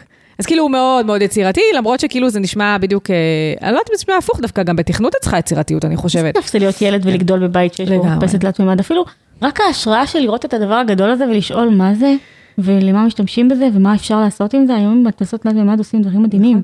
מה זה, הוא בא לבעלי אתמול, הוא רצה שפריצר. יש, אה, סתם, את יודעת, הוא אוהב להשפריץ מים, את יודעת, את קונה להם מתנות ב-200, מאות שקלים, פתאום רוצים שפריצר בשני שקל. אומר, אז, אה, אז הוא אומר, אבל אין לנו, אין, כאילו, היה, מה שהיה לנו הבאנו לך, וזהו, זה נשבר. אז תדפיס לי שפריצר. קראו לזה לא. וואי, אני יכולה לדמיין אם זה היה בת, מה זה, אמא תדפיסי לי את הבת, טוב אני רוצה שרשרת, טוב כן. אני רוצה צמיד, אני רוצה הכל. כן, אז כן, אז uh, הוא כבר ממש עושה איתו דברים וזה. אבל לגבי הסיפור, אמרנו על אימפרוז... אימפרוביזציה. אז לי מאוד היה קשה עם הקטע של האלתור. ובגלל שבעלי הקריא לו סיפורים מהראש, ואני כל הזמן אמרתי לו, תבחר ספר, תבחר ספר, הוא התחיל לעשות לי, דווקא, לא, אני רוצה מהראש סיפור. והיה לי... איזה- איזה מר- מרגש, כן, כאילו. והיה לי סופר, סופר קשה בהתחלה להמציא סיפור שלם מהראש, וגם להיכנס ל... כאילו למוד הילדותי שלי, כאילו. ו... ואז כאילו התחלתי לשאול, כדי לעזור לעצמי להתניע, הייתי שואלת אותו, אוקיי, אז על מה לספר לך? כאילו, זרוק לי כאילו את ההתחלה, את הרעיון, ואני כאילו אמשיך. ובהתחלה הייתי נתקעת, נתקעת, היה כל, כל, כל משפט, כאילו היה לוקח לי שעה, והיום, תקשיבי, אני מספרת לו סיפורים מהראש, ואני ממש מפתיעה את עצמי. זה מה שנקרא להרחיב את אזור הנוחות שלנו. ממש. אני ממש אוהבת את זה. חבל שהילד, טוב, הילד שלי עוד לא במקום הזה, אבל הקטע של לצאת מהקופסה, זה נראה לי כל כך בריא למוח. את יודעת, לגמרי. יש את הגילאים האלה שהמוח הופך להיות קצת יותר דמנטי. לגמרי. וזה מסוג הדברים שזה משמן את כל המערכת, הייתי ממש שמחה לעשות את זה. אגב, גיליתי שיטה לעשות דברים כאלה טוב, זה לנסות לקחת סיפור אמיתי ולהרוס אותו. נגיד את מכירה עמי ותמי, כן. ואת הסיפור הזה נגיד עם זה שהם השאירו פיסות לחם, אז לפני הרבה נכון. זמן היו שתי ילדים וזה, אבל במקום לספר את הסיפור האמיתי, להרוס אותו. לחבר את זה לסיפור אחר, או לעשות מזה משהו לא קשור, לחבר את זה לאירוויזיון, או לברווזל, ליזה, או למשהו אחר, או לפו הדוב, או לטעוש, או משהו אחר. ואז את כאילו, זה, זה, זה כאילו מכריח אותך רגע, אז עכשיו עליזה, ואז אה, עמי ותמי נפלו לבור, לתוך בור גדול, והייתה שם מראה, ומישהי שאלה במראה, מראה מראה שעל הקיר, מי נפל לכל העיר, והם לא הבינו למה היא מדברת למראה בכלל, או משהו כזה. עכשיו, כן. כאילו, כל החיבור הזה, בגלל שיש לנו מאגר אדיר של, אה, של, אה, של סיפורים בראש, אז החיבורים האלה מייצרים בעצם סיפור אחר לחלוטין, ועכשיו את לא יכולה כבר להמשיך לחזור למכשפה שאכלה, שאכלה אותם, כי את הכנסת אותו, זרקת אותו פתאום לעליזה בארץ הפלאות, או משהו כזה, זאת אומרת, נכון. יש, יש בזה משהו, אה, לפני המון שנים לא ידעתי לשקר בכלל, וממש בא- באתי לחברה שלי ואמרתי לה, תשמעי, אני חייבת ללמוד לשקר. הייתי, הייתי מבוגרת, לא הייתי בת, אה, לא הייתי בת 30-40, אבל כאילו נראה לי 19 כזה. ואז היא אמרה לי, כאילו, קחי את האמת ותשני אותה קצת. או תאמיני בשקר שלך, זה משהו שגם בעלי אומר זה לי, כי גם לי קשה, זה כן. כאילו חיד, החיזוק של ה... החיזוק. כן. תאמיני בשקר, כן. כאילו זה- זה באמת קרה. כן, גם לי קשה עם זה. אז מסתבר. שלקחת את האמת, אה, אתן לך דוגמה. יש את המשחק הזה אמת שקר, מכירה? אמת שקר? כן. שכל אחד מספר לעצמו עובדה אחת נכון. כזאת ועובדה אחת כזאת או משהו כזה, ואנשים נכון. צריכים לנחש מה נכון ומה לא. אז אה, הייתה אחת שתמיד הייתה מנצחת במשחק הזה. אז כששאלתי אותה איך היא מנצחת, איך משקרים, אז היא אמרה לי שנגיד אם מירה אה, עצרה לידה פעם אמבולנס ומישהו אה, סלבריטאית נכנסה לאמבולנס ואחר כך מסתבר שהיא ילדה, היא קראה על זה בעיתון שהיא ילדה באמבולנס, לפני המון שנים שהיא הייתה ילדה. ואז היא אמרה במשחק אמת שקר, לדוגמה, עזרתי לילד אה, סלבריטאית בתוך אמבולנס. אה, עכשיו, מדליק. היא פשוט, היא, היא לקחה משהו שהוא לא באמת היא, ועשתה לזה את הטוויסט הזה, כן. זה, זה הופך בעצם אמת לשקר. אבל כאילו יש איזשהו בסיס כזה, שבאמת, נכון. אתה לא צריך להיות הכי יצירתי, אתה נכון, את הטוויסטים הקטנים האלה. כן. מגניב. שווה לדעת, אבל נראה לי לשקר קצת, זה יצירתי. כן. כיף להיות בן שלוש. לגמרי. אז uh, האמת שגם דיברנו על יצירתיות והתפתחות והכל, גם כל העניין הזה של המתחבטי מקצוע וכל המקצועות שמציגים שם, שכאילו בעצם נותנים, את נותנת להם במה, הם מקצועות, רובם, של העולם החדש, זאת אומרת, זה לא דברים שהיו. והיום, באמת בעולם של היום, שמקצועות כל פעם אה, משתנים, ויש כאלה שהם מקצועות שנמחקים מהעולם, וקמים מקצועות חדשים, וכאילו כל הזמן אנחנו צריכים בעצם להסתגל לשינויים.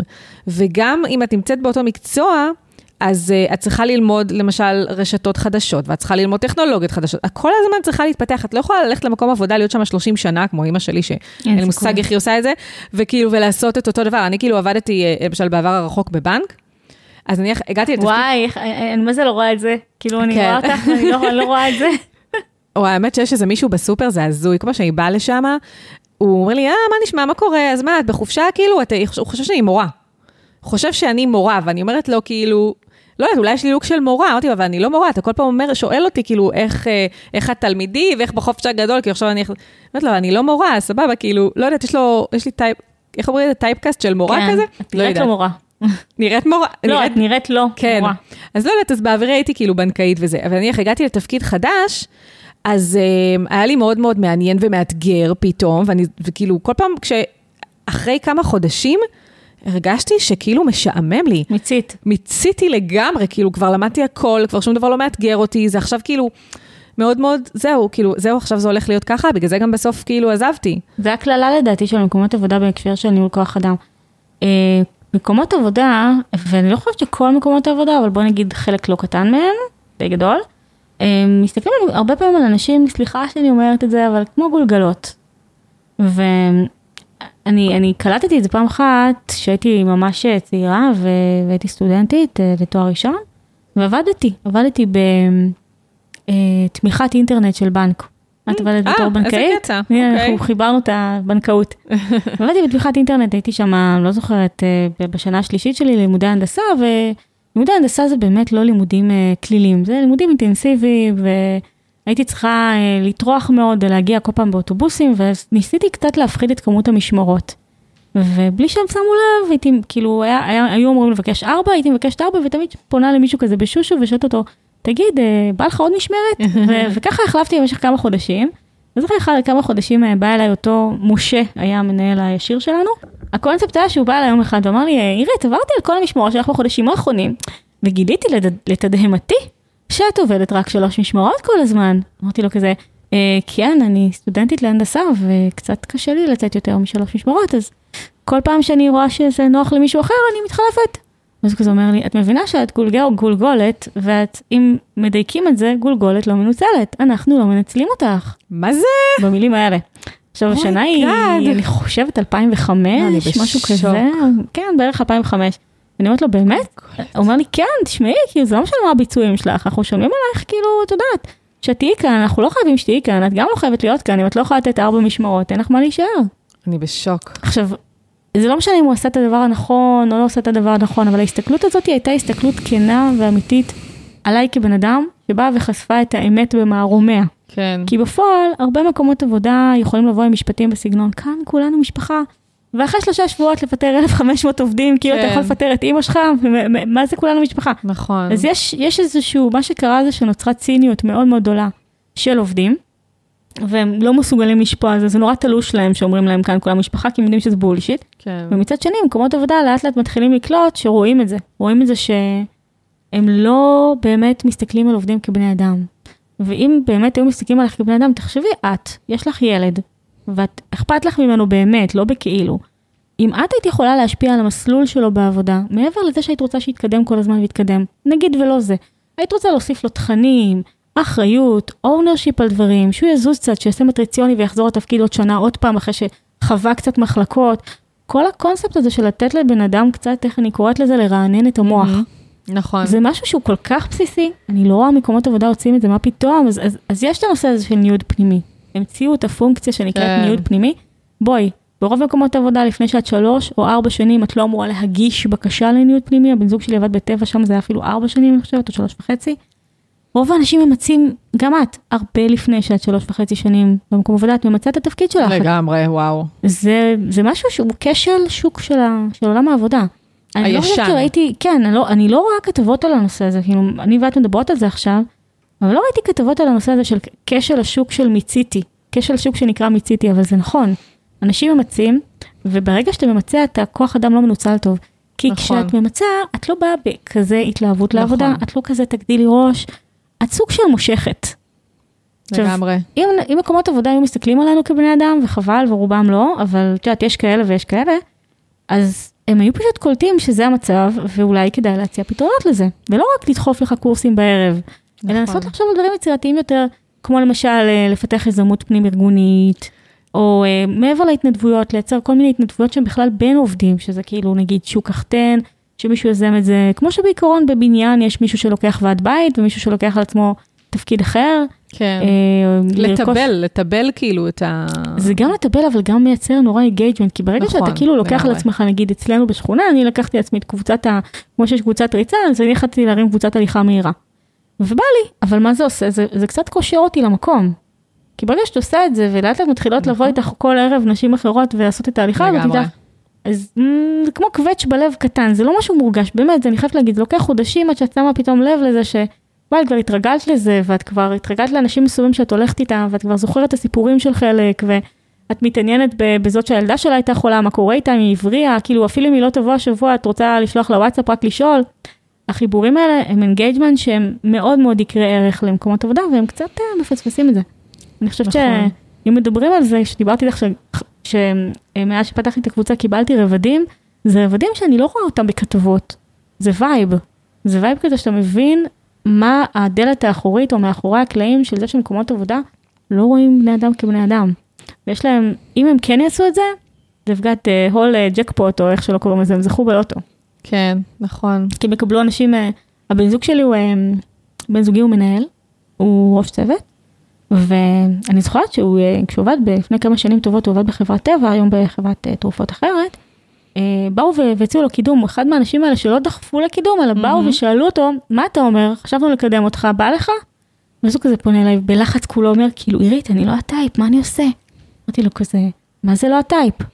אז הוא אומר לי, את יודעת מה זה מנהל? זה כזה אסרטיבי ואגרסיבי, ועומד ביעדים ומצעיד את כולם, אני לא המפקד הקשוח הזה מהצבא, זה לא הטייפ שלי. אמרתי לו כזה, נו. אז הוא אומר לי, אז, אז, אז, אז לסרב? אמרתי לו, מה פתאום? אז הוא אומר לי, אבל, אבל איך אני, איך אני deliver, איך אני אביא את מה שהם מצפים, איך אני אגרום לדברים לקרות אם אני לא ה type של לדחוף אנשים וזה, אמרתי לו, אתה הבן אדם הכי לאביבול שאני מכירה, כולם בעבודה מתים עליך, אם אתה תבקש שהם יעשו את זה, גם אם לא היית ראש צוות, על מה אתה מדבר? לגמרי. וזה כאילו מה שעוזר שם. בדיוק, זה מה שחשוב. אנשים רוצים שפשוט יתייחסו אליהם בתור בני אדם. נכון. אתה לא צריך להיות לא, אגרס... לא אגרסיבי ולא אסרטיבי וכל המילים הנורא יפות האלה, כן. שאין לי שום בעיה איתם, אבל הוא לא, לא אגרסיבי והוא לא אסרטיבי, ואנשים אצלו בעבודה, ממש בשבועיים האחרונים, שמעתי שם שיחות טלפון כשמתקשרים כשאנחנו בנסיעה, וכל מיני אה, עובדות של, שעובדות אה, איתו מהצוות, אה, אומרות לו משפטים כמו, 14 שעות היום, תדע לך שאני מתה עליך, נתראה מחר, אני מגיעה בשעה איחור, כל מיני דברים כאלה, ואני אומרת לעצמי, כן, אנשים עושים את זה בלי שהוא דוחף בכוח וזה, כי זה, אין, אין תחליף למנהל טוב. אני לא נכון. חושבת שיש לזה תחליף. זה מדהים שרואים אותך, זה, זה כמו תרפיה. לגמרי. גם מנהל לא באמת צריך לדחוף, אני חושבת. זה צריך כאילו, העובדים צריכים לרצות לעשות את הדברים כי יש להם מנהיג, לא מנהל שהוא בוס רודן. זה כל כך נכון, את זוכרת ששאלת אותי קודם, אז מה תפקידו של מנהל החדשנות? אז עכשיו זה נכנס טוב, אז אה, לפני, אה, ש... בערך בתקופה שהתראיינת במתחבטי מקצוע, שבועיים קודם, או שב- שבועיים אחרי, היה לי פאנל מנהלי חדשנות על תפקידו. הבאתי שבעה, לא, לא הגזמתי בכלל, כן? שבעה. שמתוכם שלושה בהייטק, בגלל שבהייטק אין כמעט מנהלי חדשנות, בכוונה הבאתי שלושה, להראות שיש. דווקא ו- בהייטק אין מנהלי כן, חדשנות? כי כל החברה היא נחשבת חדשנות, נכון. אה, אוקיי. המקומות שיש בהם אה, חדשנות בהייטק זה בדרך כלל חברות מאוד ותיקות הייטק, כמו Scitex, כאילו החברות הממש אה, SanDisk, מהמם. M Systems, כאילו החברות הממש ישנות, שם עוד תמצאי מנהל חדשנות, אבל בחדשות, נגיד וויקס, אין שום Mm. סיכוי שתמצאי. היותר, אה, כן. כי הם כל החברת חדשנות, אז הם לא... אז בכל זאת הבאתי כמה מהייטק, והבאתי גם מרפואי ומבנקאי ומוניציפלי, ואיזה חוקר מהרווארד שעשה את התואר שלו לניהול חדשנות. ערבבתי את כולם ביחד ושאלתי אותם שאלה. אחת השאלות ששאלתי, ולדעתי היא שאלת המפתח, זה מה תפקידו של מנהל חדשנות, וזה ממש מתאים למה שאת אמרת. התשובה שלו הייתה, אה, של הבחורה הזאת במקרה הזה, אה, היא הייתה מנהלת החדשנות של עיריית בני ברק, אביבה גמי. והיא אמרה את התשובה שאני ממש אה, ככה נשארתי קפואה כשהיא ענתה אותה, היא אמרה, תפקידו של מנהל החדשנות איננו לייצר חדשנות, איננו.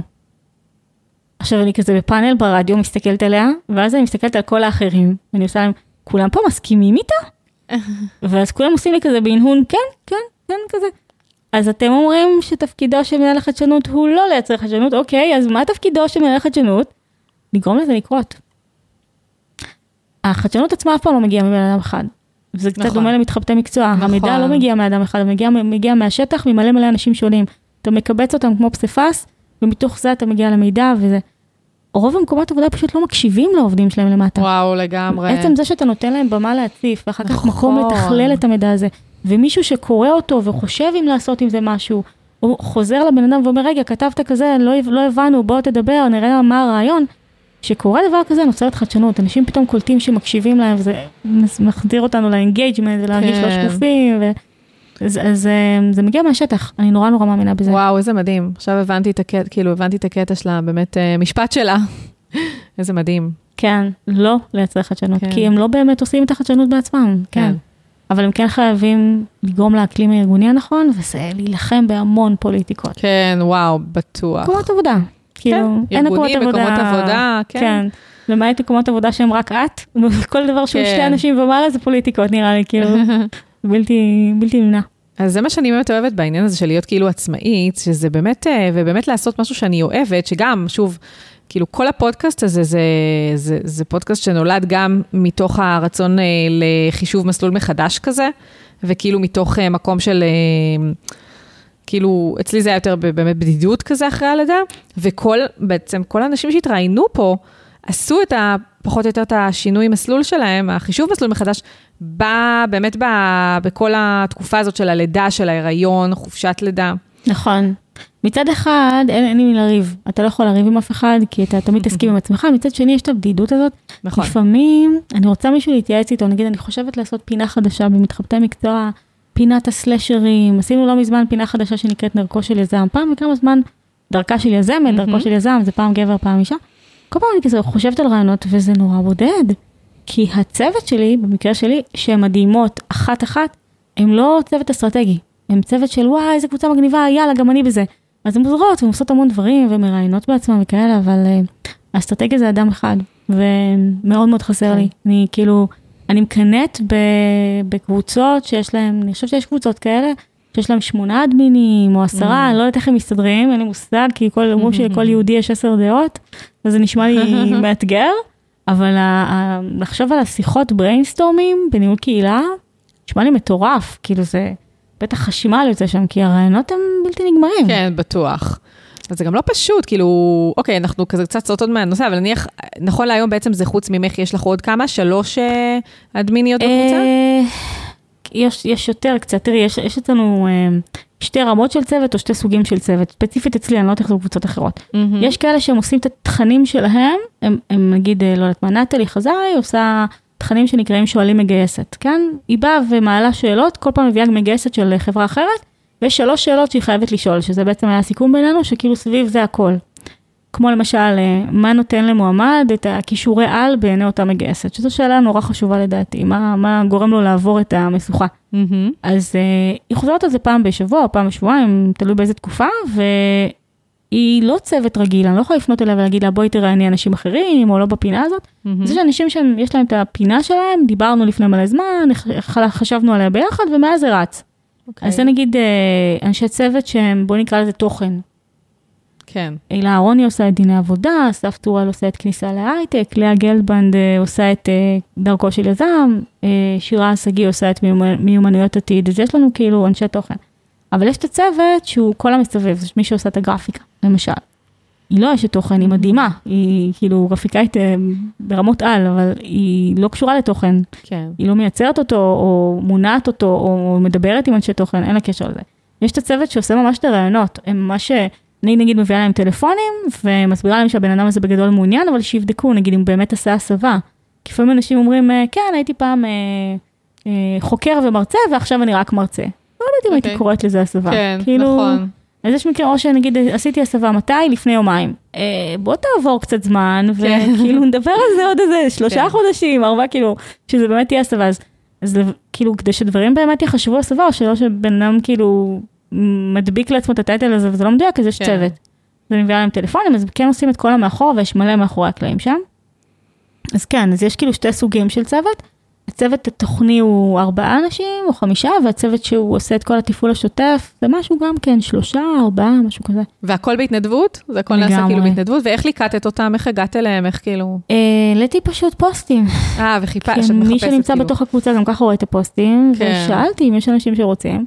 המון נפלו, כן? המון אנשים כן. כזה, ברגע שהם שמעו שזה משהו שהוא שבועי, ולא אתה צריך לעזור פעם בחצי שנה לבוא לאיזה יום התנדבות, אלא משהו שהוא צריך להיות שוטף, אז יש הרבה מאוד אנשים שלא מתאים להם משהו כזה. כן. זה אומנם מהבית וקליל, אבל יש שם, אתה, אתה גם צריך לצבור מיומנויות. אני עם הזמן ממש מבקשת מהם ללמוד לראיין, ללמוד ליצור קשר, לא, לא לפחד אה, לשאול שאלות נוקבות לפעמים, או לוודא, ואלה דברים שמצריכים גם המון אחריות מאחורה. כן. ככל שהם יותר זמן, הם יותר מיומנות, הם כבר ממש, הם תמיד מוודאות שהכל קורה, מתקתקות, באמת, יש לי בורחתי, כאילו. אז זהו, אז איך הקסם הזה קורה? שהם, זה על בסיס שבועי, יש פה מחויבות, יש פה צורך לשפר אה, מיומנויות וכל הזמן להשתפר וללמוד. יש פה המון יציאה מאזור הנוחות, וכל זה בהתנדבות. כאילו, obviously יוצא, יש להם סיפוק מהסיפור הזה, אמ, אבל כאילו, איך הקסם הזה, כאילו, איך זה מצליח להיות מתוחזק? למה הם עושות את זה? איך זה אה. מצליח להיות מתוחזק? תראי, נראה לי שגם את, כאילו, יש פה גם אותך, שאת מצליחה לנהל את זה בצורה כזו, או להיות איתם בקשר בצורה כזו, טובה, לתחזק את הקשר, שזה פשוט עובד. כאילו, עבורי זה פלא, אני לא יודעת, כאילו, אני חושבת על באמת לגייס אנשים שעל בסיס שבועי קבוע יעבדו בהתנדבות, זה מדהים. כן, הם לא, הם לא נותנות עשר שעות, כן, אנחנו מדברים כן. על שעתיים, שלוש בשבוע, לפעמים טיפה יותר או טיפה פחות, אבל זה לא משהו כאילו בשמיים מאוד. אבל כן, אני מאוד מעריכה את זה, אני חושבת שהן פשוט אה, שמחות להיות חלק מהדבר הזה. הן שמחות ש, שזה קיים, ש...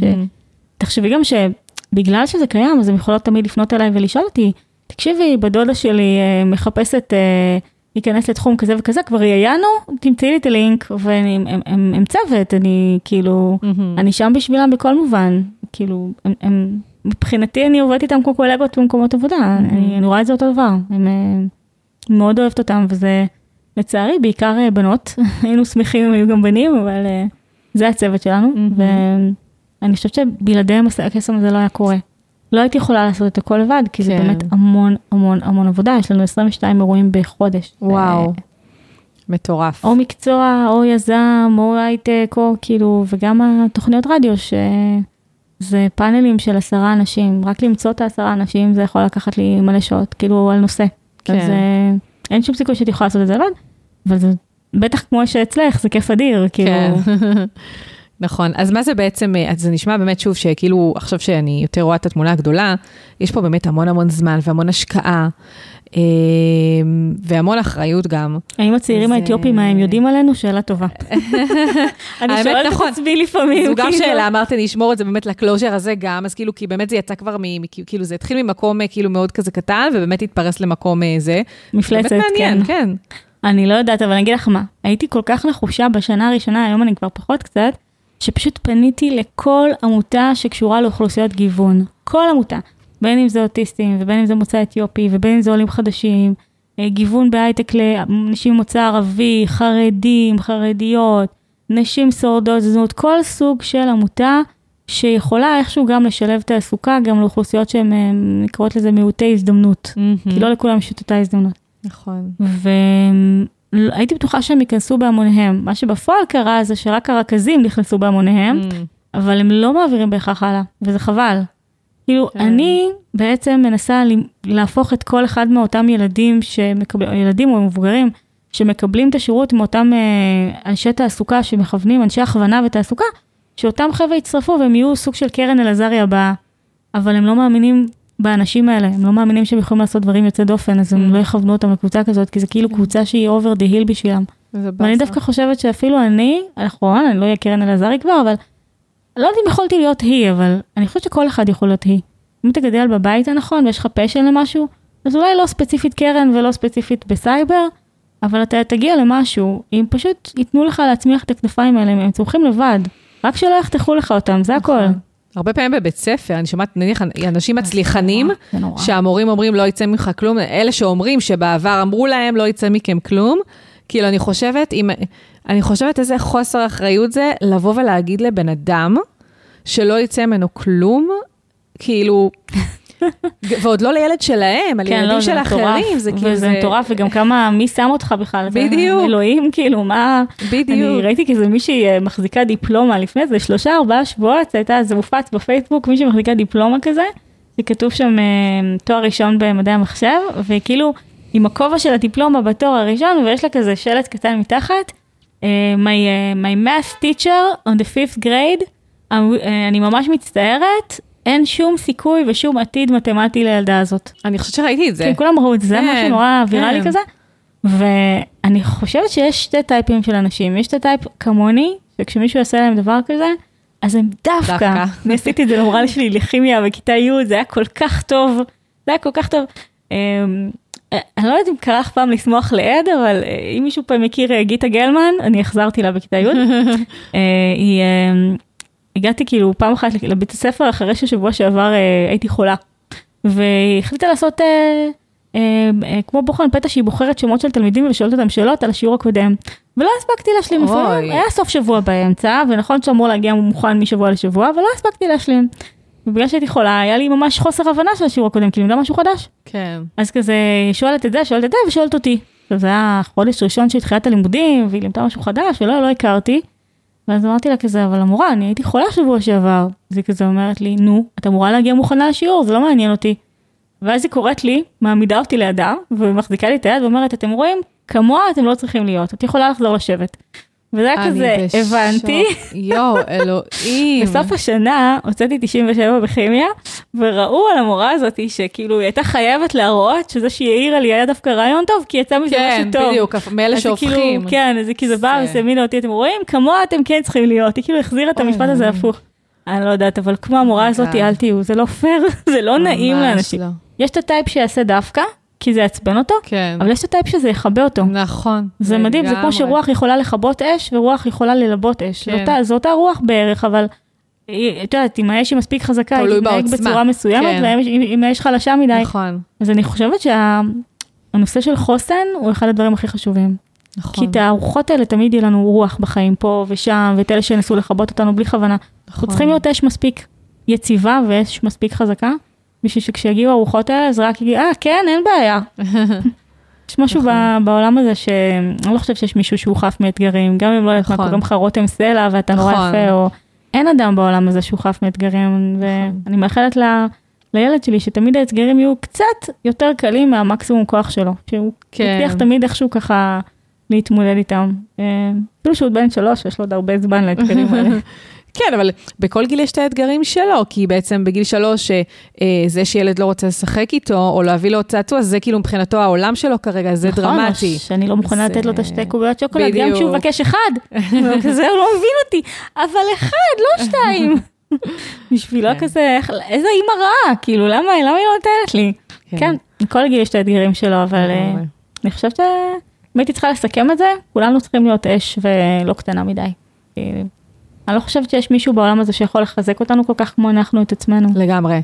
נכון, אני חושבת שאם אה, בסוף, אם באמת הביטחון יבוא מ- מתוכנו, וגם כל הזמן נדע איך אה, בעצמנו אנחנו יכולים לחזק את הביטחון שלנו, אז זה באמת משהו שהוא הכרחי. הכי חזק, כן, כן. הוא הכי חזק שיש. אני חושבת שזה מחבר אותי לתסמונת המתחזה. יואו, בדיוק רציתי לשאול אותך. אמרתי, לסיום, אנחנו נדבר על התסמונת הזו קצת, על איך זה תופס אותך, פוגש אותך, איך את מתמודדת עם זה. כשאני נחלשת, וזה קורה לי ולא מעט, אני אומרת לעצמי, עירית, לכולם יש את זה. את התסמונת כן. מתחזה הזו שעכשיו את חווה, קוראים לזה, יש לזה שם, עשו לזה שיעור, מישהו הטביע את המונח, זה לא רק את, ויש את זה למלא אנשים. וגם אני מעודדת את עצמי לפעמים בזה שאני אומרת שהאנשים שהכי סובלים מהתסמונת מתחזה בעולם, סביר להניח שהם אה, באמת האנשים הכי חכמים בעולם, והם ממש לא אני. זאת אומרת, את הולכת לדוקטורים לפיזיקה שמתמחים באיזה ספציפית קוונט מסוים בתורת הקוונטים או בתורת המיתרים או whatever, שנורא קשה למדוד אותו ונורא קשה, אין מכשירים בשביל זה, וזה משהו נורא מורכב. דווקא אצלם הם, בגלל שהם לא תמיד מגיעים להישגים ויש להם הרבה נפילות והרבה אי הצלחות, כי אתה מהמם. עוסק בתחום מאוד מאוד high-end, אני חושבת שדווקא שם יש הכי הרבה תסמונת המתחזה, אתה חווה יום יום של מלא כישלונות. נכון, וואו, זה ממש קשה, כן. כן, אני חושבת שבכלל כישלונות זה משהו שחבל שהחברה המערבית לא מאמצת יותר, את יודעת?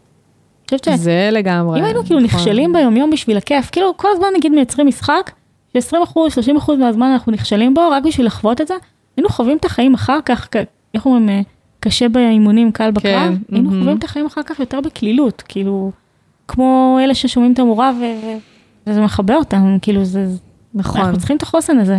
אני חושבת שבכלל מערכת החינוך צריכה קצת להשתנות אה, ולהתרענן ולהתחדש, אה, וכאילו מהמון כיוונים, במיוחד שהעולם התעסוקה והעולם החדש הוא שונה לחלוטין מהעולם הישן, וכבר הרבה דברים כבר לא רלוונטיים. כן, את יודעת, אני, אני עושה הרצאות, ולפני בערך איזה חודש ומשהו, הזמינו אותי להרצאה בפאקינג בנימינה, בדיוק לפני שהיה שם את הווריאנט ההודי, כאילו שלושה ימים לפני שהוא הספקתי לחזור משם בזמן, לפני שגילו את הווריאנט שם, ואחד הדברים שרציתי להתחיל את ההרצאה, אני זוכרת שחשבתי המון זמן, מה יהיה הפתיח הכי מעניין להרצאה שיכול להיות. וזה קשה, זה קשה, פתיח זה משהו שזה כמו clickbait. נכון. או שאתה מתחיל טוב, או שאף אחד לא לא נמשך לזה, ואני יושבת נכון. וחושבת, מה אני רוצה להגיד לאנשים שעושים הכוונה תעסוקתית לאוכלוסיות מוחלשות. ניסיתי לחשוב, ובסוף יצא, אה, באמת חקרתי מלא באינטרנט וחפרתי וזה, בסוף יצא לי פתיח כזה. מישהו כאן יודע למה המציאו בתי ספר? וכאילו ממש כאילו הרמתי יד כזה שאנשים יצביעו. את רואה אנשים כזה מנסים לחשוב, חלק קצת ניסו לנחש, חלק פה, את יודעת, זורקים הערות כזה וזה. ואני חשבתי על זה בעצמי כי חקרתי וגיליתי בגלל ההרצאה, אם לא הייתי עושה את ההרצאות אה, לא הייתי יודעת, שבתי ספר הומצאו לפני אה, 200 שנה, מהמם. והם הומצאו בשביל עולם העבודה. לא שילד נכון, ירכוש השכלה. בית ספר היה מקצועי, היה מלמד פרופר מקצוע, כן, נכון. אה, זה היה בפרוסיה, פרוסיה זה בכלל אזור שלא קיים היום, זה היה נראה לי שילוב של קצת גרמניה, קצת אוסטריה, קצת פולין, קצת בלגיה, בקיצור ערבוב של כמה אזורים ביחד ולחתוך שם צ'כיה גם ממש כזה. המציאו אותם כדי שאנשים יהיו מותאמים ללעבוד, ההורים, ההורים רצו שהילדים יהיו מסודרים, כן. ושזה יהיו מותאמים ללעבוד במפעלים, שאז אה, פחות או יותר היו מקומות עבודה, שינון, חזרתיות, עמידה בזמנים, דיוק, עבודה מדויקת, כל זה. ואחת הסיבות לדעתי שהיחס לכישלון הוא כל כך שלילי בתרבות המערבית היום, אה, שאת גם רואה את זה בבתי ספר, נכשל זה תמיד בצבע אדום, בעט נכון, וזה. נכון. אה, אני חושבת שזה מאז, זה איזשהו שריד של זה שבתי ספר, אם את עכשיו עובדת במפעל, ואת עוטפת קרמבואים, את יודעת, עד היום אין, אין מכונה לזה, כי זה צריך נכון. ידיים, כן, כי זה מאוד, את יודעת, נכון. יכול למרוח את הקרמבו. אז את עוטפת קרמבואים, את עושה עבודה לא מדויקת, הלך הקרמבו. אז מן הסתם, כישלון זה דבר שלא מעודדים אותו. בבתי נכון. ספר, אם, אם המטרה היא לעולם העבודה. אבל אם המטרה היא לחיות לחיים טובים יותר, כישלון זה דבר טוב. לגמרי. כאילו, תקחי את זה רגע הפוך, אני, אני אתן לך דוגמה. נגיד השכנה שלך בקיץ עכשיו חופש גדול אוטוטו, מהמם. מספרת לך אה, ב- בראשון לספטמבר, קניתי לילד שלי חוברת, תקשיבי, 5,500 דפים, הכל תרגילים בחשבון, הוא לא עשה אפילו טעות אחת. אז לי היו עוברים בראש שתי, שתי מחשבות. אחד, או שהילד שלה גאון, אבל או שהוא עושה לעצמו, כאילו, או שהחוברת היא בכלל לא ברמה שלו, ואם ילד בכיתה נכון. ה' עושה חוברת של אחד ועוד אחד, 200 וריאציות של אחד ועוד אחד, שתיים ועוד שתיים וכאלה, נכון. אז הוא יצליח את זה, אבל, אבל הכישלון הוא בעצם הקדמה שלנו. אם, אם היה לו, נגיד, מתוך ה-5,500, 100 נכשלים, 100, לא כזה הרבה, אבל 100, זה אומר שהוא כבר ברמה הגיונית לו. כי בן אדם לא אמור לעשות רק מה שקל לו. נכון. כישלון זה נכון. כאילו ההוכחה לזה שאתה קופץ מדרגה. לגמרי. ולי קצת חבל שיש איזושהי התייחסות כזאת, אה, לא, איך הייתי כזאת פילוסופית, אלוהים. התייחסות לא נכונה לכישלון, ואני כן מתכוונת, אה, עם מה שאני יכולה בתור אימא, אה, לנסות לעודד את הילד שלי ללמוד שכישלון זה חלק אינטגרלי, וגם כדאי להיכשל לפעמים, זה סימן טוב, זה סימן שאנחנו עושים משהו אחר. נכון. מאוד מאמינה בזה. כן, לגמרי. כן, לא, טוב, אנחנו כבר צריכות לסיים, אנחנו כן. באמת מדברות מעל שעה, אבל אה, באמת הבן שלי, לפעמים שהוא נניח, הוא מנסה לעשות משהו, ואז לא הולך לו, אז הוא אומר לי, אמא תעשי לי, או אבא תעשה לי, לא הולך לי, לא מצליח לי, אוקיי, מעולה, אחלה, לא הצליח בדרך הזאת, תנסה בדרך הזו. עכשיו, אנחנו לא מושלמים, גם לי לפעמים יש את ה... את יודעת, כאילו בדיפולט אני כזה, טוב, תביא, אני אעשה. כאילו, מכוח האנרציה כזה, לא הולך, אבל לפעמים באמת אני מתעכבת על זה, ואנחנו אומרים, לא, אוקיי, כאילו, לא עבד, אחלה, בוא תנסה בדרך אחרת, בסוף זה יעבוד. מאוד מאמינה בזה. כאילו, כן. גם יש את הנטייה הזאת להורים, לא כל ההורים כאלה, לעשות במקום.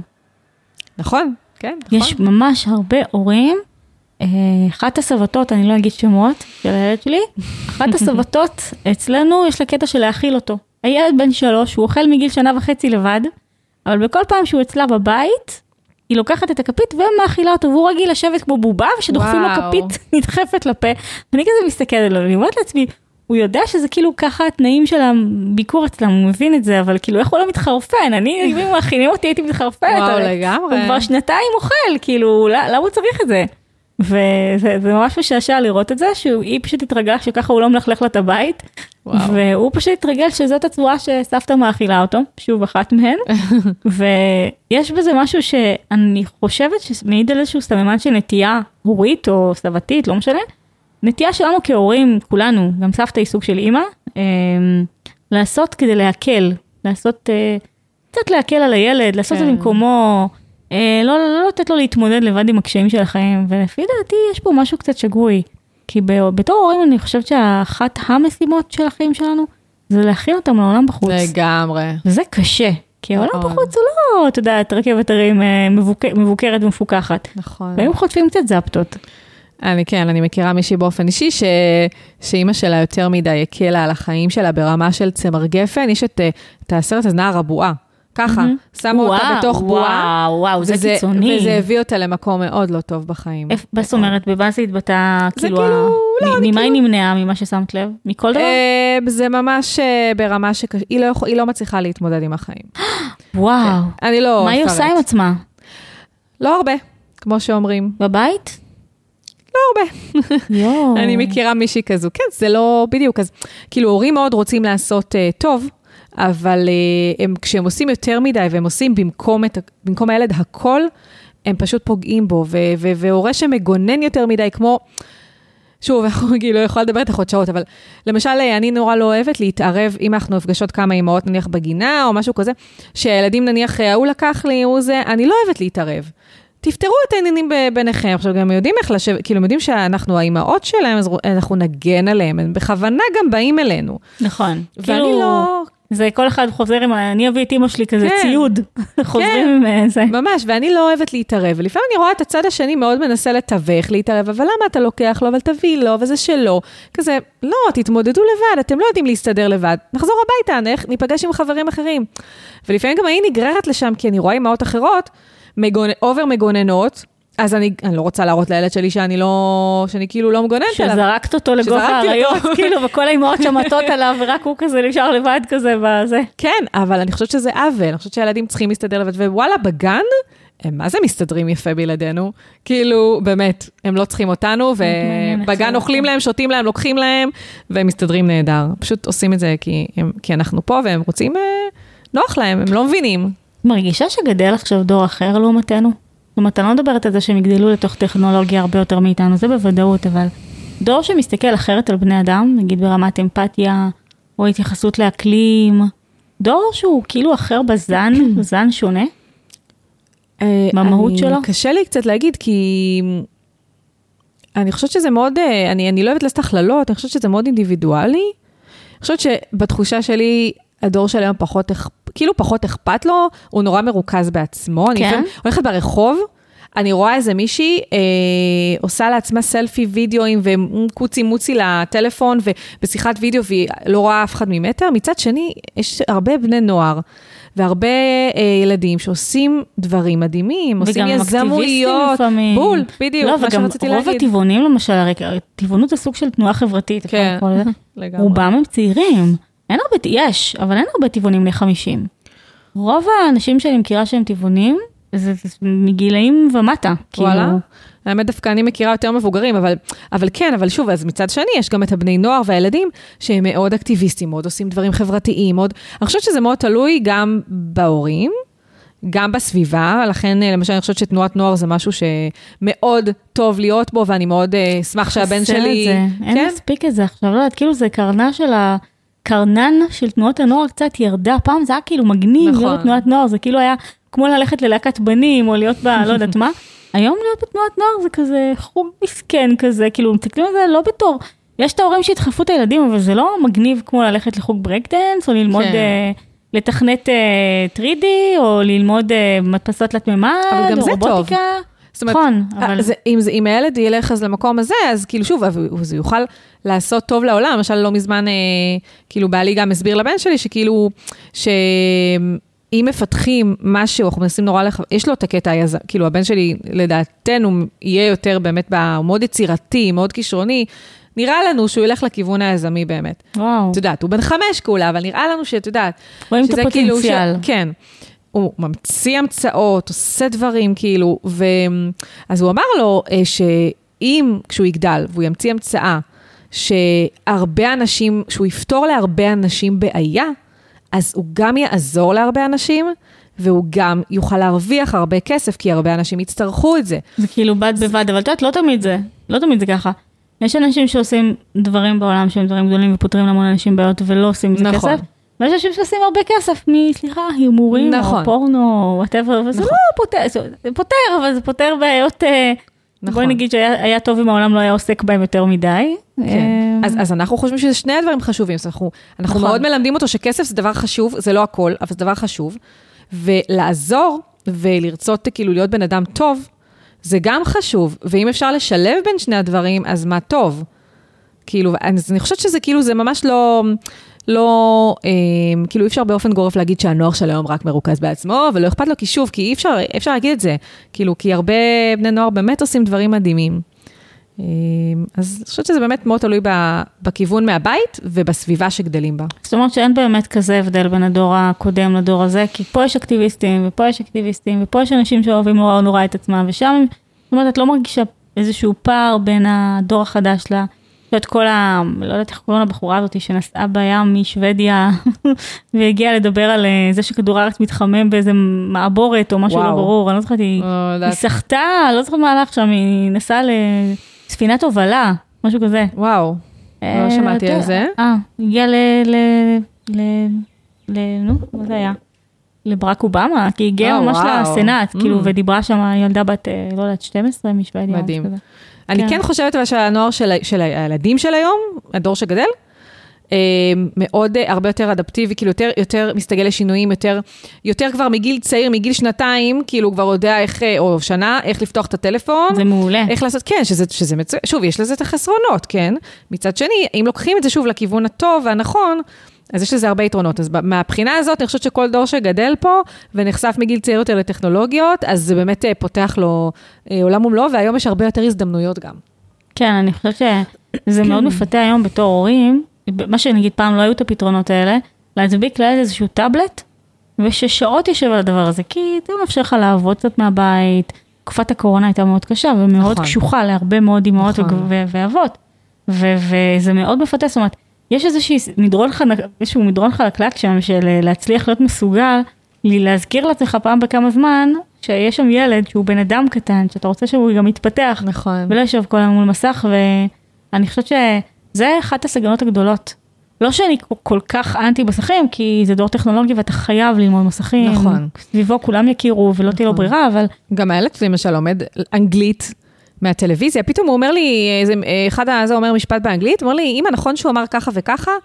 אני כזה, וואו. זה ילד בן כאילו, חמש, ילד בן וואו. חמש, הוא יודע ממש טוב אנגלית יחסית. רגע, יש להם את זה כבר בגן או שזה לא בגיל שלו? לא, אנחנו מלמדים אותו בבית. ו- וואו. וגם, אה, את יודעת, כאילו, ושוב, טלוויזיה. אנחנו רואים ביחד איתו למשל משהו, אנחנו רואים בעיקר באנגלית, סליחה שזה נשמע מתנשא, אנחנו רואים בעיקר באנגלית תוכ- מה- תוכניות, מה- מה ילד בן חמש רואה באנגלית בדרך כלל?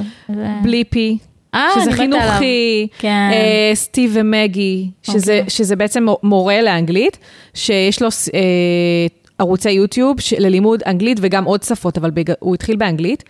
משהו מושקע ברמות, הפקה מטורפת, והוא לומד משם, כאילו זה ממש ללימוד אנגלית, והוא לומד משם. ואפילו כוח פי.ג'יי, שוב, הם אומרים משפטים, הוא לומד משם אנגלית. ותכלס כל דבר באנגלית, כן. אז, אה, אז כאילו, אז יש באמת שוב את הצד הלא טוב, ויש גם את הצד המעולה, שזה כאילו גם מלמד. שאלה מה רואים.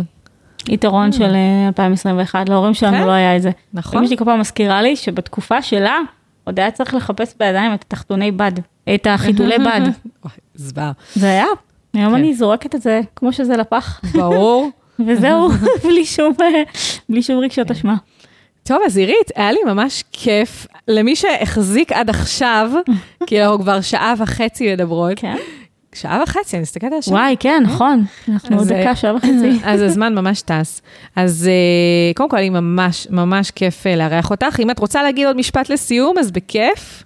אם יש לך אה, משהו שפספסנו ולא, או התפספס. אני רוצה להגיד תודה לרלי בריל, גם מישהי שאת מכירה ואני, לזה שהיא הכניסה אותי לכל העולמות האלה של הרדיו, ודי בזכותה, כאילו למדתי כמה אני נמשכת לעולמות האלה.